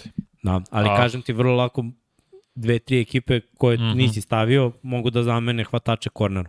Da, da, da. tri sad brojim, četiri, pet, š, sedam hvatača. Da. To je 13, čovječe, to je To je trećina skoro pola draftova. drafta, čovječe. Da, da. Uh, Bengalsi ne, ne, im, toliko su na svim pozicijama dobri ili vrlo dobri, sad nemaju negde baš elitno u odbrani, može se kaže za Hendricksona da je skoro na tom nivou. I tu se muče, ok, ajde Christian Harris, Alabama je linebacker, zato što ideš na, gađaš na potencijal njegov, da će biti vrhunski linebacker. Nije sam- trenutno, Da, ja sam rekao vanji pre mi miriš na Dibija. Realno. I to na kornera. Nego, No, nego ima- ima- linebacker. Ima smisla da bude Ali korner. defanzivno svakako. Pa da, dobro, ne, nemaš gde da u napadu sigura u Tako free je. agency, u ofenzivnu liniju, imaš backfield, imaš hvatački korpus, Da, da, da. to, to ti je ovaj rešeno. Tako da ima smisla da bude defanzivno, ali ima smisla da bude D-line, jer ovaj rotacija i veliki broj mladih, dobrih, perspektivnih igrača u defanzivnoj liniji, to, to je isto. Ja mislim, jesu Hubbard, su rešili oni to? nije tu je Hubbard, Sam Hubbard, DJ Reader, BJ Hill i Trey Hendricks. Da, To, samo Ogunjobi je Tako razrešen tako je, dužnost. tako je. Okay. Mislim, ono, im, ima smisla da, da evo, ove godine u jednom trenutku i Hill i Ogunjobi su bili povređeni. I videlo se ono, mm, e, da nam je, znaš, ono, kad je najbitniji još jedan tu. Da. Tako da, ono, a opet linebacker s Wilsonom jedan u paru upariti tako je. ima smisla, ima smisla i dratati kornera, jer ovo je lakšaš malo, malo safety ima. Tako je. isto, Sad su Eli Apple i Avuzije. Tako je, mislim, i, Jeste, ali Eli Apple meni nije... ali on je potpisan sad, mislim da nadalje. Da. Da, da. Tako da ono, opet i dobro je sad, ako zavisi koliko bude bilo cornerbackova. Da, Jer, da. na primjer, a, ako si došao od ovde i, i draftovano je pet ko, ko, cornerbacku imaš šansu u drugoj rundi da, da uzmeš, mislim, još Jeste. toliko i da izabereš tu. Ali ako ovde bude u ovom trenutku bilo sedam, sad biraš kornera i to je to. Jeste. Jer već u drugoj rundi neke ekipe će sačuvati, znaš, mm -hmm. nećeš izabrati najboljeg igrača. I na kraju Lions i wide receiver Jahan Dotson, sličan uh, Sky Muru, eksplozivan brz, ono sa Penn State, atleta, nemaš wide receiver, de facto. Nemaš ništa u Detroit, to su složili. No. Ja. Zato mislim da Detroit neće izabrati ovog Da, drugog, već će da budu u fazonu dajte nam ono 2-3. Mm -hmm. Jer gledaj, za drugog pika stvarno možeš da dobiješ Jeste, 2-3. kako ne. Nije to kao daj mi drugu rundu. Znači Da, to da. je Tako ono, je. možda i prva runda sledeće Sigurno, godine sigurno. i druga runda ove. I lepo se ti, ono, to je rebuild, mislim, tim putem Jeste. ideš. Za dve, Jeste. tri godine možeš da izabereš nekoliko lica franšize. Kao i Bengalsi. Što nije uopšte loša stvar, mislim. Nije, nije. nije. To, to je, po mom mišljenju, pametno uraditi. Solidno, mislim, konkurentno u svojoj diviziji, u smislu, znaš, Da. mogu da pobedi Chicago, gde će biti ono otvoreno, u smislu, ne znamo kako će se skockaju kockice. Minnesota su mučili već, Packers se slabiji su nego što su bili, znaš, ono, otvorenije je Jeste. u njihovoj diviziji. A sigurno sam da je njihov fokus za sezonu prvenstveno divizija. Pa. Da nije ono kao play-off, ludilo i to, Ma da. nego divizija. Da, Pokaži i da se popuni, diviziji. da se popuni roster, da se napravi. Mislim, s tim što ja kad bi menjao, na primjer, top 5 pika, ne bi ga menjao van Top 15-16. Mhm. Znači, rotirao bi tog pika plus da dobijem još nešto, ali ne bi menjao drugog za lupam 25. Ma to nema Ne, smisla, ne, niko mislim, ne- znači, top 15 igrača i dalje impact igrač, Jeste, jedan od najboljih jeste, na svojoj poziciji na draftu, to dobijem, ok, daj pika prve runde sledeće godine i pika druge runde Drugi ove od ove godine. i- Mirni smo, da. Tako je. Sa tim imaš, dobio si tri igrača za jedno. Jeste. Mislim, ono, Dva instant i jednog sledeće je. Uz verovatno osrednji plasman koji ćeš imati ove naredne sezone, to će biti dobar pik. pozicija u, na draftu će biti Jeste, dobro. jeste. Tako da, Mm. manje više, to je, to je dobar plan za, za, za ekipe koje ra, rade rebuild. Da, ovo je bilo totalno bez... Jo, Mrak. ugasilo se kamerama, ne znam se upališ. Uh, totalno je bilo bez trade up, trade down, nego ko je kako pozicija. Da, i da, da, tebe. naravno, naravano, naravno. Mislim, to, to ne znamo, to baš kad bismo ušli A ne, to stvarno nema. taj to realno, stvarno to bilo je, ono, baš gledanje u kako se kako ušte u kuglu. Kako se zove, ima poseban naziv, ne? kristalna kugla. Kristalna kugla, da. Da, da, Ebrevan. Ebrevan. Ne veze. Dobro, znači prođe smo i mok. jesmo. Ajmo jedna brzinska 10 Pitanjce. minutna pitanja i Tako je.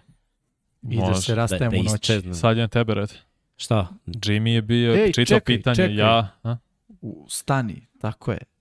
Like, Opa. subscribe. Tako je. Hajde ljudi, nismo ni jednom pozvali. Setili smo se na kraju, istina, ali eto, ako vam se spava, ako žurite, udarite like, pa idite na spavanje, ako vam je to plan, pa sutra pogledajte za 10 minuta, mada ovo je sada vaše vreme, ovo je sad vreme kad vas pitamo, da nas pitate, kad vas pitamo da nas pitate kakva konstrukcija rečenice. Uh, šalno na stranu, stvarno, udarite like, udarite subscribe, Uh, znate sve kako to ide, join, svetioničari, patreoni, kad nema Ercega, istina, nema Ercega, da, ima Ercega, ali kad nije tu, u, ovaj, u podcastima 99 jari malo slabije, eh, a.k.a. nikad ne pročitamo ovaj, eh, ovaj, kako se zove, Patreone, to bi možda trebalo da uradimo vanja. Uh, Znaš na mene gledaš.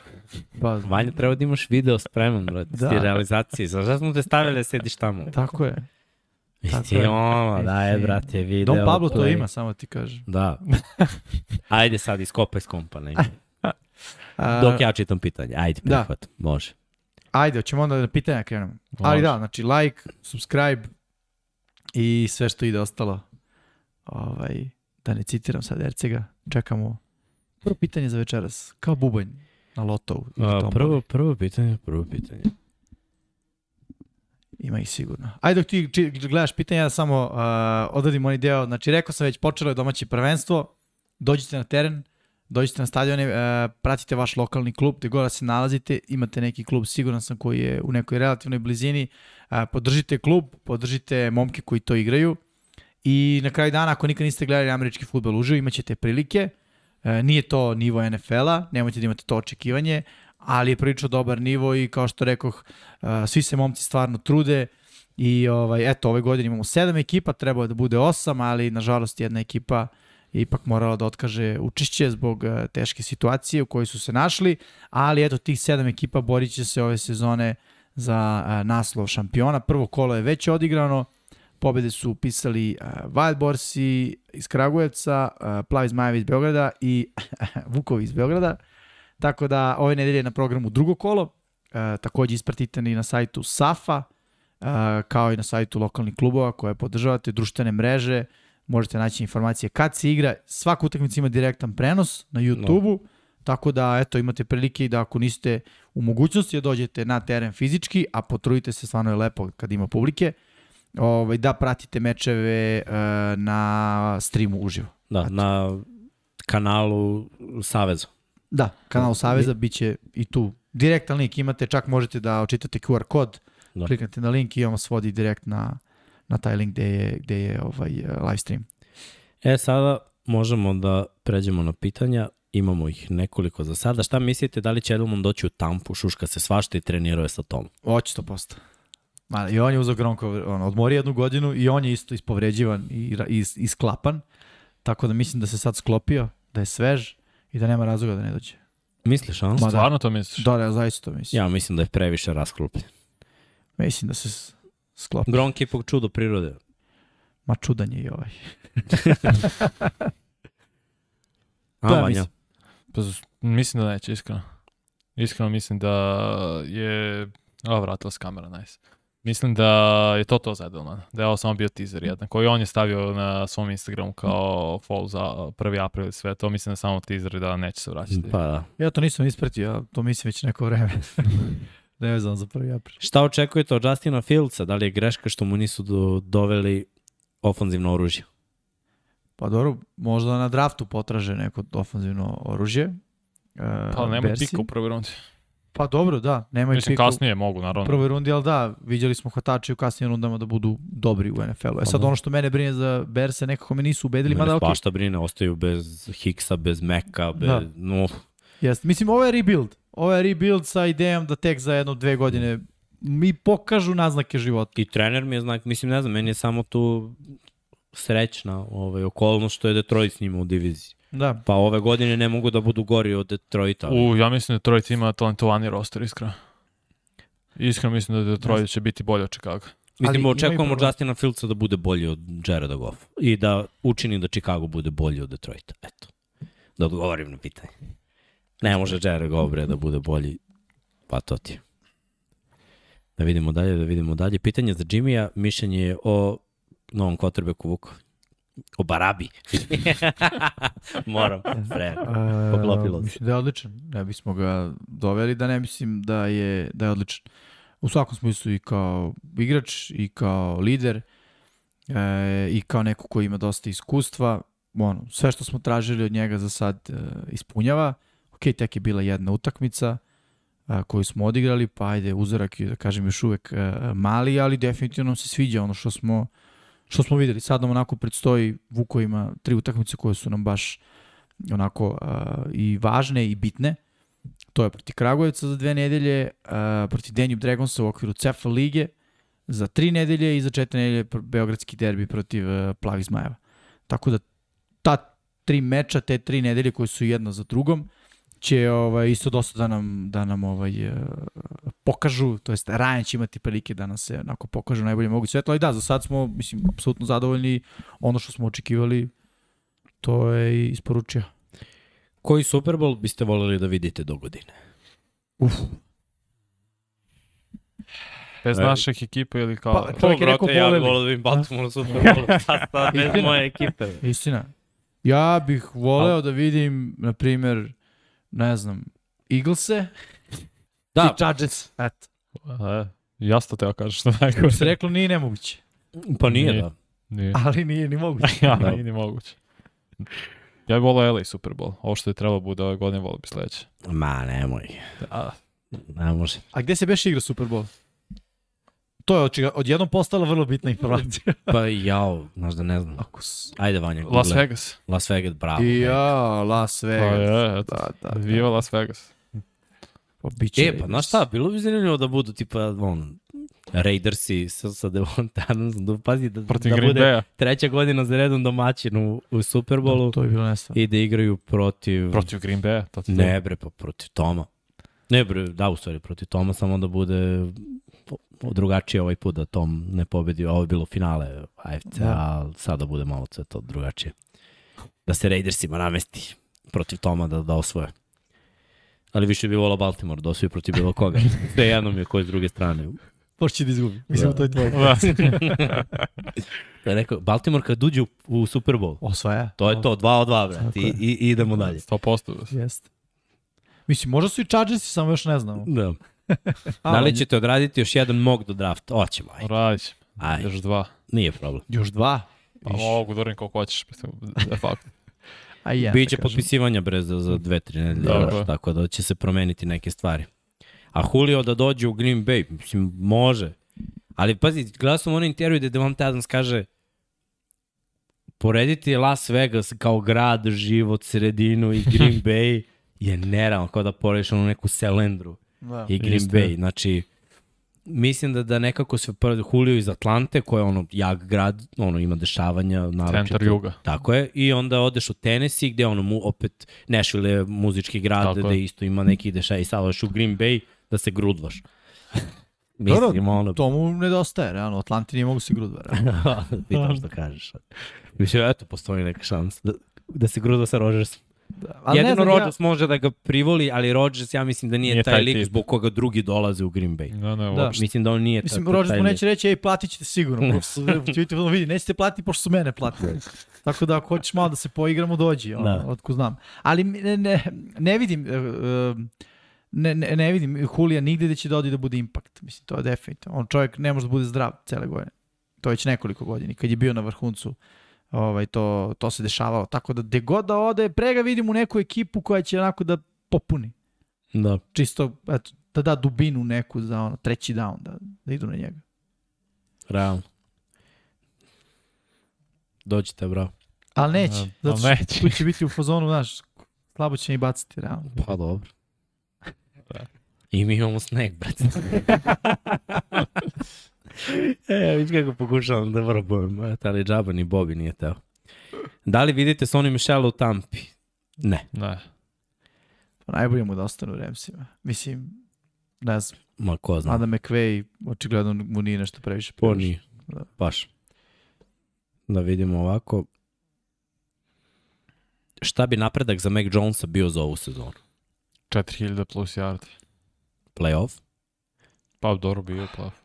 Ne, ne, ne, mislim, Ali ne bih rekao playoff, jer ako je pitanje za Meka Jonesa, onda gledam nekako individualno. Dobro, Da, da. individualno da, ali opet si, znaš, džabe 4000 yardi sa pet pobjeda. U AFC-u koji je Jest. teži, gde je divizija jača, nego ono, imaj Jest. statistiku, a nemoj da štetiš timu. Jeste, ali ja mislim za njegov razvoj lični da je najbolje da ima više pokušaja dodavanja po utakmici. Mislim, realno on protiv Billsa je probao tri puta. On, prvi put. Da. To, to realno mu uništilo prosjek. To je kao na faksu, imaš desetki, jednu šesticu. Ono, baš si u kanalisa. Da. Tako i ovo. Imamo pitanje za taj produžetak, ali samo da kažem, pošto ne znamo šta će da se desi, juče smo ili ja i pričali, šta ako bude, drug, ako bude nerešeno posle prvog produžetka, šta onda? Ako daju touchdown jedni i drugi istekne Da. 10 minuta. Da, ne znamo. Da. mi, da su dalje, to mi već- dalje ne znamo šta onda ide posle toga. Nisu objavili kao da li je drugi produžetak ili kako se igra dalje. overtime-u. U Bože, u je. play-offu. U play-offu, Pa tako mora je. se igra, u play-offu mora Jer da u, bude pobednik. u, u regularnom delu sezone može da bude X, mislim u play-offu Da. ne, ne mora. I onda veliko je pitanje i dalje meni šta je drugi produžetak, zlatni gol ili ne znam, ono, još uvek će oni utanačiti Da. šta i kako. Tako da taj trenutak čekamo da bi mi pričali šta Meni je će najbolje da ono što je bilo na koleđu. Nema sata, samo ima game clock. Tako je, pa da. I jednak broj poseda. I to je to. Da, to ćemo, to ćemo da vidimo. Šta kažete za Peppers u Patriotsima? E, E, dobar da. potez, to nismo rekli Mm. da Jabril Peppers kao je, još jedan dodatni back, mada Jabril Peppers je ono neki Ma, hibridni nije. safety. Linebacker postao. Ne znam, ja sam ga voleo kad je bio na koleđu Mhm. i prve godine sam imao veliko očekivanje, nikad mi ništa nije pokazao iskreno. U Giantsima je bila Da. takva jedna tiha priča da nisam ni znao da je u Giantsima, bukvalno. No, te, teško je, zato što je on baš taj hibrid. Redko koji trener zna da, šta da radi s tim hibridom. Što bi značilo da će Bill, ako on zna neko, mislim, ako Da. neko zna, on zna.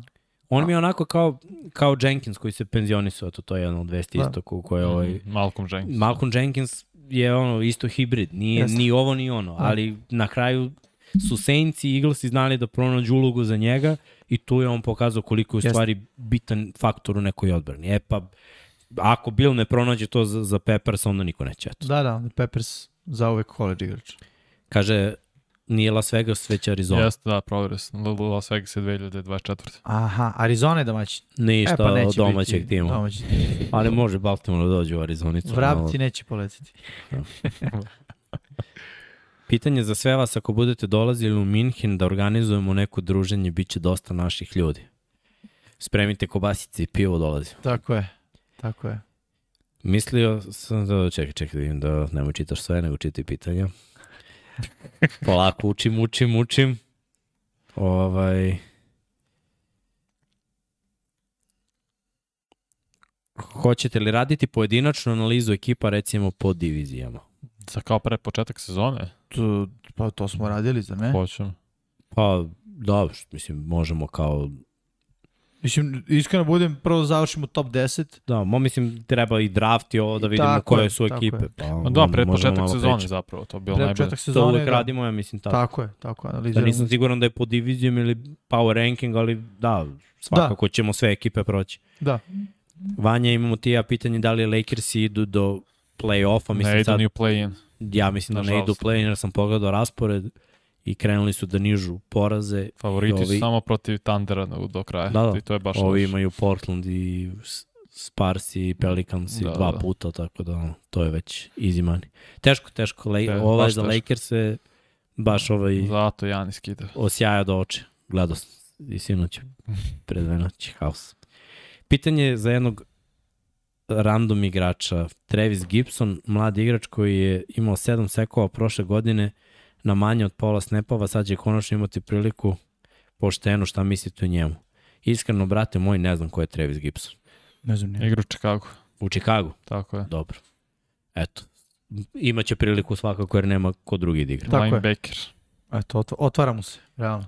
Da, ono, Jer gledaj, pokaže potencijal. nji- njihova najveća zvezda je, iako je Rokon Smith igru brutalnu sezonu, opet bio Khalil Mack samo mm. na ime, a Kim Hicks je radio. Sad, sad, samo su izvezli sva imena koje su imali. Krenulo je sve od cornerbacka, od ovog Fullera, pa malo po malo ta odbrana koja je nekad bila, koja ih je vodila u stvari u playoff kad, kad je Negi ovaj došao, se raspala skroz, tako da biti zvezda je ne izvolite. Samo treba da, da, da zaigra ma, malo bolje. Tako je. Generalno u Chicagu. Mislim. Možete li, e, šta mislite da li može Lazar da bude broj 1 hvatač u Packersima? Ne. Teško. Ne. Nije to Mislim. to. Nije to to. Ja mislim da, da ovaj, moraju da izaberu nešto, ali pametnije bi im bilo da pojačaju pregovore sa, Jarvisom Landryjem, jer to je najbolje što je od hvatača ostalo Slažem se. i ono, najkonstantnije. Pazi, Landry, Lazard i draft, ok, i Tonjan, Se vraća Okej. solid. to mi I- je ono, ok. I dalje ne znam koja je opcija broj 1, ali to mi je ok. I mislim, Aaron Jones će biti zdrav, koji ove godine nije Da. da. bio slaba sezona za njega, on je realno top 10 running back i imaš i Dillona iza, tako da ono, to je onda jedan ok napad za NFC za njihovu diviziju. Lagani playoff. I sva pitanja sam pročitao preko. Znaš šta se bore, pročitaš? Šta? I ono ko, ime koga pita. Dobro bre, ajde. Nemojte sad odmah kritike.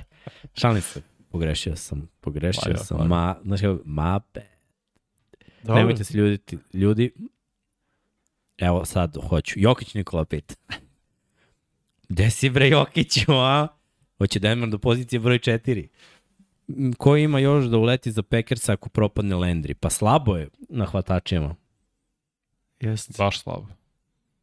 Ha, Ja- mislim, ne znam, eto, spomenuli smo Julio. Odell. Ali od Del neće biti meseca, zdrav, da, da, da, da. do, dosta dugo, tako da ne znam koliko ti je. Treba ti neko ko će ti pomoći od samog starta sezone. Od ovih ostalih hvatača, to su sve, ali baš, baš veterani. Ono, T.Y. Hilton, kako? Cole Beasley, to je sve 32, 33 plus. Mislim, meni ima smisla Cole Beasley, ali ne da bude opcija broj 1, nego bude on slot i da radi Cole Beasley magiju, što se kaže. No. Ali to mislim da se neće desiti pre drafta, recimo. Ako budu izabrani na draftu ono što smatraju da je dobro, onda mogu da ulete sa Colom Beasley. Uh, Prašanski pita da li je 120 miliona na 6 godina previše za Von Millera. Iskreno, taj ugovor od 6 godina je samo laž da se prebace pare za kasnije, mislim da će on biti dve, tri godine u Billsima i da je to to. Da, Ovo ostalo je, su sve opcije. Da li je mnogo, mnogo sve mi je, kad pogledam bilo koji ugovor, sve mi je mnogo, ali pošto to nisu moje pare, ko sam ja pričam, da li nekom pravi mnogo para, mislim, to je Tako je. već, tako je tržište postalo, ljudi, zarađuje se previše i svi jure pare i kad para ima, što da se ne daju, jel te? Da. Da li će Dolphins igrati sličan futbol kao Kansas City, imaju dobrog tight enda, fine running backove i sada i Hila, da li će biti puno pomeranja pre snapa? Ko to pita? Pita Favela Kube 4. Gledaj, bravo, biće pomeranja pre snapa, Mnogo. ali da igraju kao Kansas City sa Neće. Vala, Tebra, neće, ne znam šta da, Da, da, se desi, niko. nema teorije. Slažem se, slažem se. Baš, baš teško. Igraće priča. više nešto kao možda San Francisco. San Francisco. Mislim i trener im je, Da. jel te, odatak. Tako da ono, to, to mi ima više smisla. Bojan Radosavljević kaže da li mislite da su Patriote jedan od najvećih gubitnika ovog free agencija? Da. Gubitnika, pa čekaj, Da. pa prošle godine su bili najveći dobitnici, pa ne možeš da vežeš ono, dve godine za redom, u smislu polako. Mislim da je to sistemski, znaš. Nije ni ideja svake godine puniti se novim ljudima. Slobodnim si- agentima. Slobodnim agentima. Doveo ti neke prošle godine, neka sad oni odrade svoj posao, neko odstoje, što se kaže, a sad ubaci malo, ono, rukije, znaš. Jer treba platiti jedne i druge, mislim, Da. de facto. Ali nije dobro da popisivati veliki broj slobodnih agenata. To je obično recept za, za propast. Jeste, a vidjet ćemo i ta ofenzivna linija Bengals. Mislim, slično su radili Chiefs i prošle godine, tako? Pa nije počelo dobro. Mislim, bila je loša ofenzivna linija, ja to očekujem od ofenzivne linije Bengals. Mislim, jedini gubitak, izvini, za Patriotsi mi je, ono, JC Jeste. Jackson. Jeste. Ovo ostalo nemam nikakav problem. Mislim, samo mi je to, to mi je najveći problem. Jer je on bio zdrav. Gilmore, to što je on povređen i na kom je on nivou u njegovim godinama, nije ista priča kao, kao JC Jackson. On Tako je i mlađi i zdraviji. I igrao na visokom nivou poslednje godine. Znači, mm -hmm. Gilmore nije prošle godine slabo igrao. Tako da, ono, imam jedan problem sa njihovom odlukom. Ali opet, ko sam ja, mislim, da, da sudim. Aj mi još par. Ajmo, kaže Andrej Rakić kakvi će biti Steelersi naredne sezone. Pogledevanje u kristalnu kuglu. Mitch Trubisky će biti, taki će biti. Znači, koliko veruješ u Miča, taki će biti realno. Opet, Tomlin nikad nije imao gubitničku sezonu i sa lošim quarterbackovima. Misliš 9-8? Zašto da ne? Dobro. Ako si mogu da imaš koliko, 9-7 ili 8-8 sa kako se zove, Mason Rudolfom, mislim. I Dakon Hodges. Tako je. Istina, Da, istina. sad, dvo- ne znam. Vidjet ćemo. Pavela Kube 4 kaže šta mislite koja će ekipa biti najbolja trkačka ekipa i koji running back će izdominirati? On misli Chubb i Cook, a Tennessee kao tim. Taylor. Da, dobro, Indianapolis i Tennessee ne smeš da izostaviš, Da. ali kao ekipa vrlo lako može da se desi da ponovo bude Baltimore ako svi budu zdravi. Cleveland, Istina. Da. San Francisco. San Da. Francisco, da. Ima, ima smisla za, za sve. Biće, biće, da, i Patriots je uvek, jel te? Ne uvek. Jest, jest. Da. Uh, Vojislav Andrić pita koji je po vama najbolji broj 2 korner? Teško pitanje. Mm. Baš je pitanje. Pa, realno. ajde ovako, pošto jedan od njih mora da bude broj 2, ja bi birao između Marlona Humphrey i Markusa Petersa. Kad su Mislim, zdravi. Prosto mogu da budu broj 1 bilo da je Da. Da, da. u nekim drugim timovima. Pa sad, pošto je JC Jackson u Chargersima, Sante Samuel Jr. I to. I to. Broj bravo. 2. Sad, To. realno. Ima dosta timova sa dobra dva kornera. Ima. Ima. Mislim, Stokes i mm, Jair Alexander. Stokes isto mnogo dobar bio. Jeste. A Rasul Douglas, I pa da, ja sam ne znam gde je još, još nije nigde potpisao Douglas, čini mi se Douglas ili jest. ja mislim da je za možda greši. Ja mislim da su ga ću vratili. M- Možda greši. E. Ja Znam da. Devondra Campbella jesu. Da. Da, Devon Campbell, ja sam siguran. Dobro. Ima ovde svašta nešto, Nije još nigde. Ali nemamo pravih pitanja, tako da ljudi možda je i vreme da se polako Vreme. sigurno odjavljujemo. up. It's time. Tako da ostanite na našem kanalu i pratite sve sadržaje koje pratimo. Pišite koji su vaših top 10 tight endova. Mene baš zanima da, da. Da. vidim koliko različito razmišljamo, jer obično ljudi dele s nama neka mišljenja. Bilo je malo diskutabilno za quarterbacka, tu je bilo malo rasprave na naš izbor. Uh, za hvatače nije bilo, za running backove je isto bilo onako, jeste, nije. Šta mislite ko je najbolji tight end bio prošle godine? Da li je vam ovako Jer nama bio jednoglasno Andrews Jednoglasno je. najbolji. E, da li je vama jednoglasno ili možda, jer znam da uvek ide Kelsey Kittle, a redko ko ubaci Andrewsa u priču, pa eto, zanima me šta vi mislite I ono- na kontu toga. Napomena, gledajte samo 2021. sezonu, to je prošlo. Tako smo, tako smo mi glasali, ne, ne generalno, jer onda je vrlo lakše ovaj, izglasati. Sledeće nedelje radimo ofanzivnu liniju. Tako je. kao top 10 e, i dalje ćemo pratiti šta se sve dešava što se tiče slobodnih agenata. Bilo koje pitanje koje imate, znate ko nema društvene mreže, ko li odgovara, tako da pišite. To, tu. Da, to, to, to ćemo ovaj rešiti. I naravno like, subscribe, slobodno. Srki će valjda da se vrati da, da ove neprijatne situacije odjavljivanja i pozdravljanja Tako je. i, da i to iz, izbegavamo i jesi našao ti taj video? Ja ne, imam no, novi Patreon, ne moram novi da se pravi. Ne, bre, stvarno si bre, ne Ima sve više. bre. Šta ti radiš, bro, tu? Na mesti dedi antenu. Dobro, mislim, je to to, a? To je to. Da. Nadamo se, nadamo se da, da ćemo sledeće nelje ovaj, uspeti da, da izbacimo ovih 10-10. Prošle Moguće. godine je onako bilo, Bilo je, da. bilo napeto je, za, baš. za online. Mislim, Jest. iskreno, top 5 je lako na A svakoj sad poziciji. imamo novi tool. Da, imamo novi tool, da. Koji? Software. A, Aha, da, da, da. Imamo isti, ali okej. Dobro, dobro, dobro. Ništa, do sledećeg petka. Ostanite na Infinity Lighthouse studiju i uživajte, pratite Magic Football. Veliki pozdrav.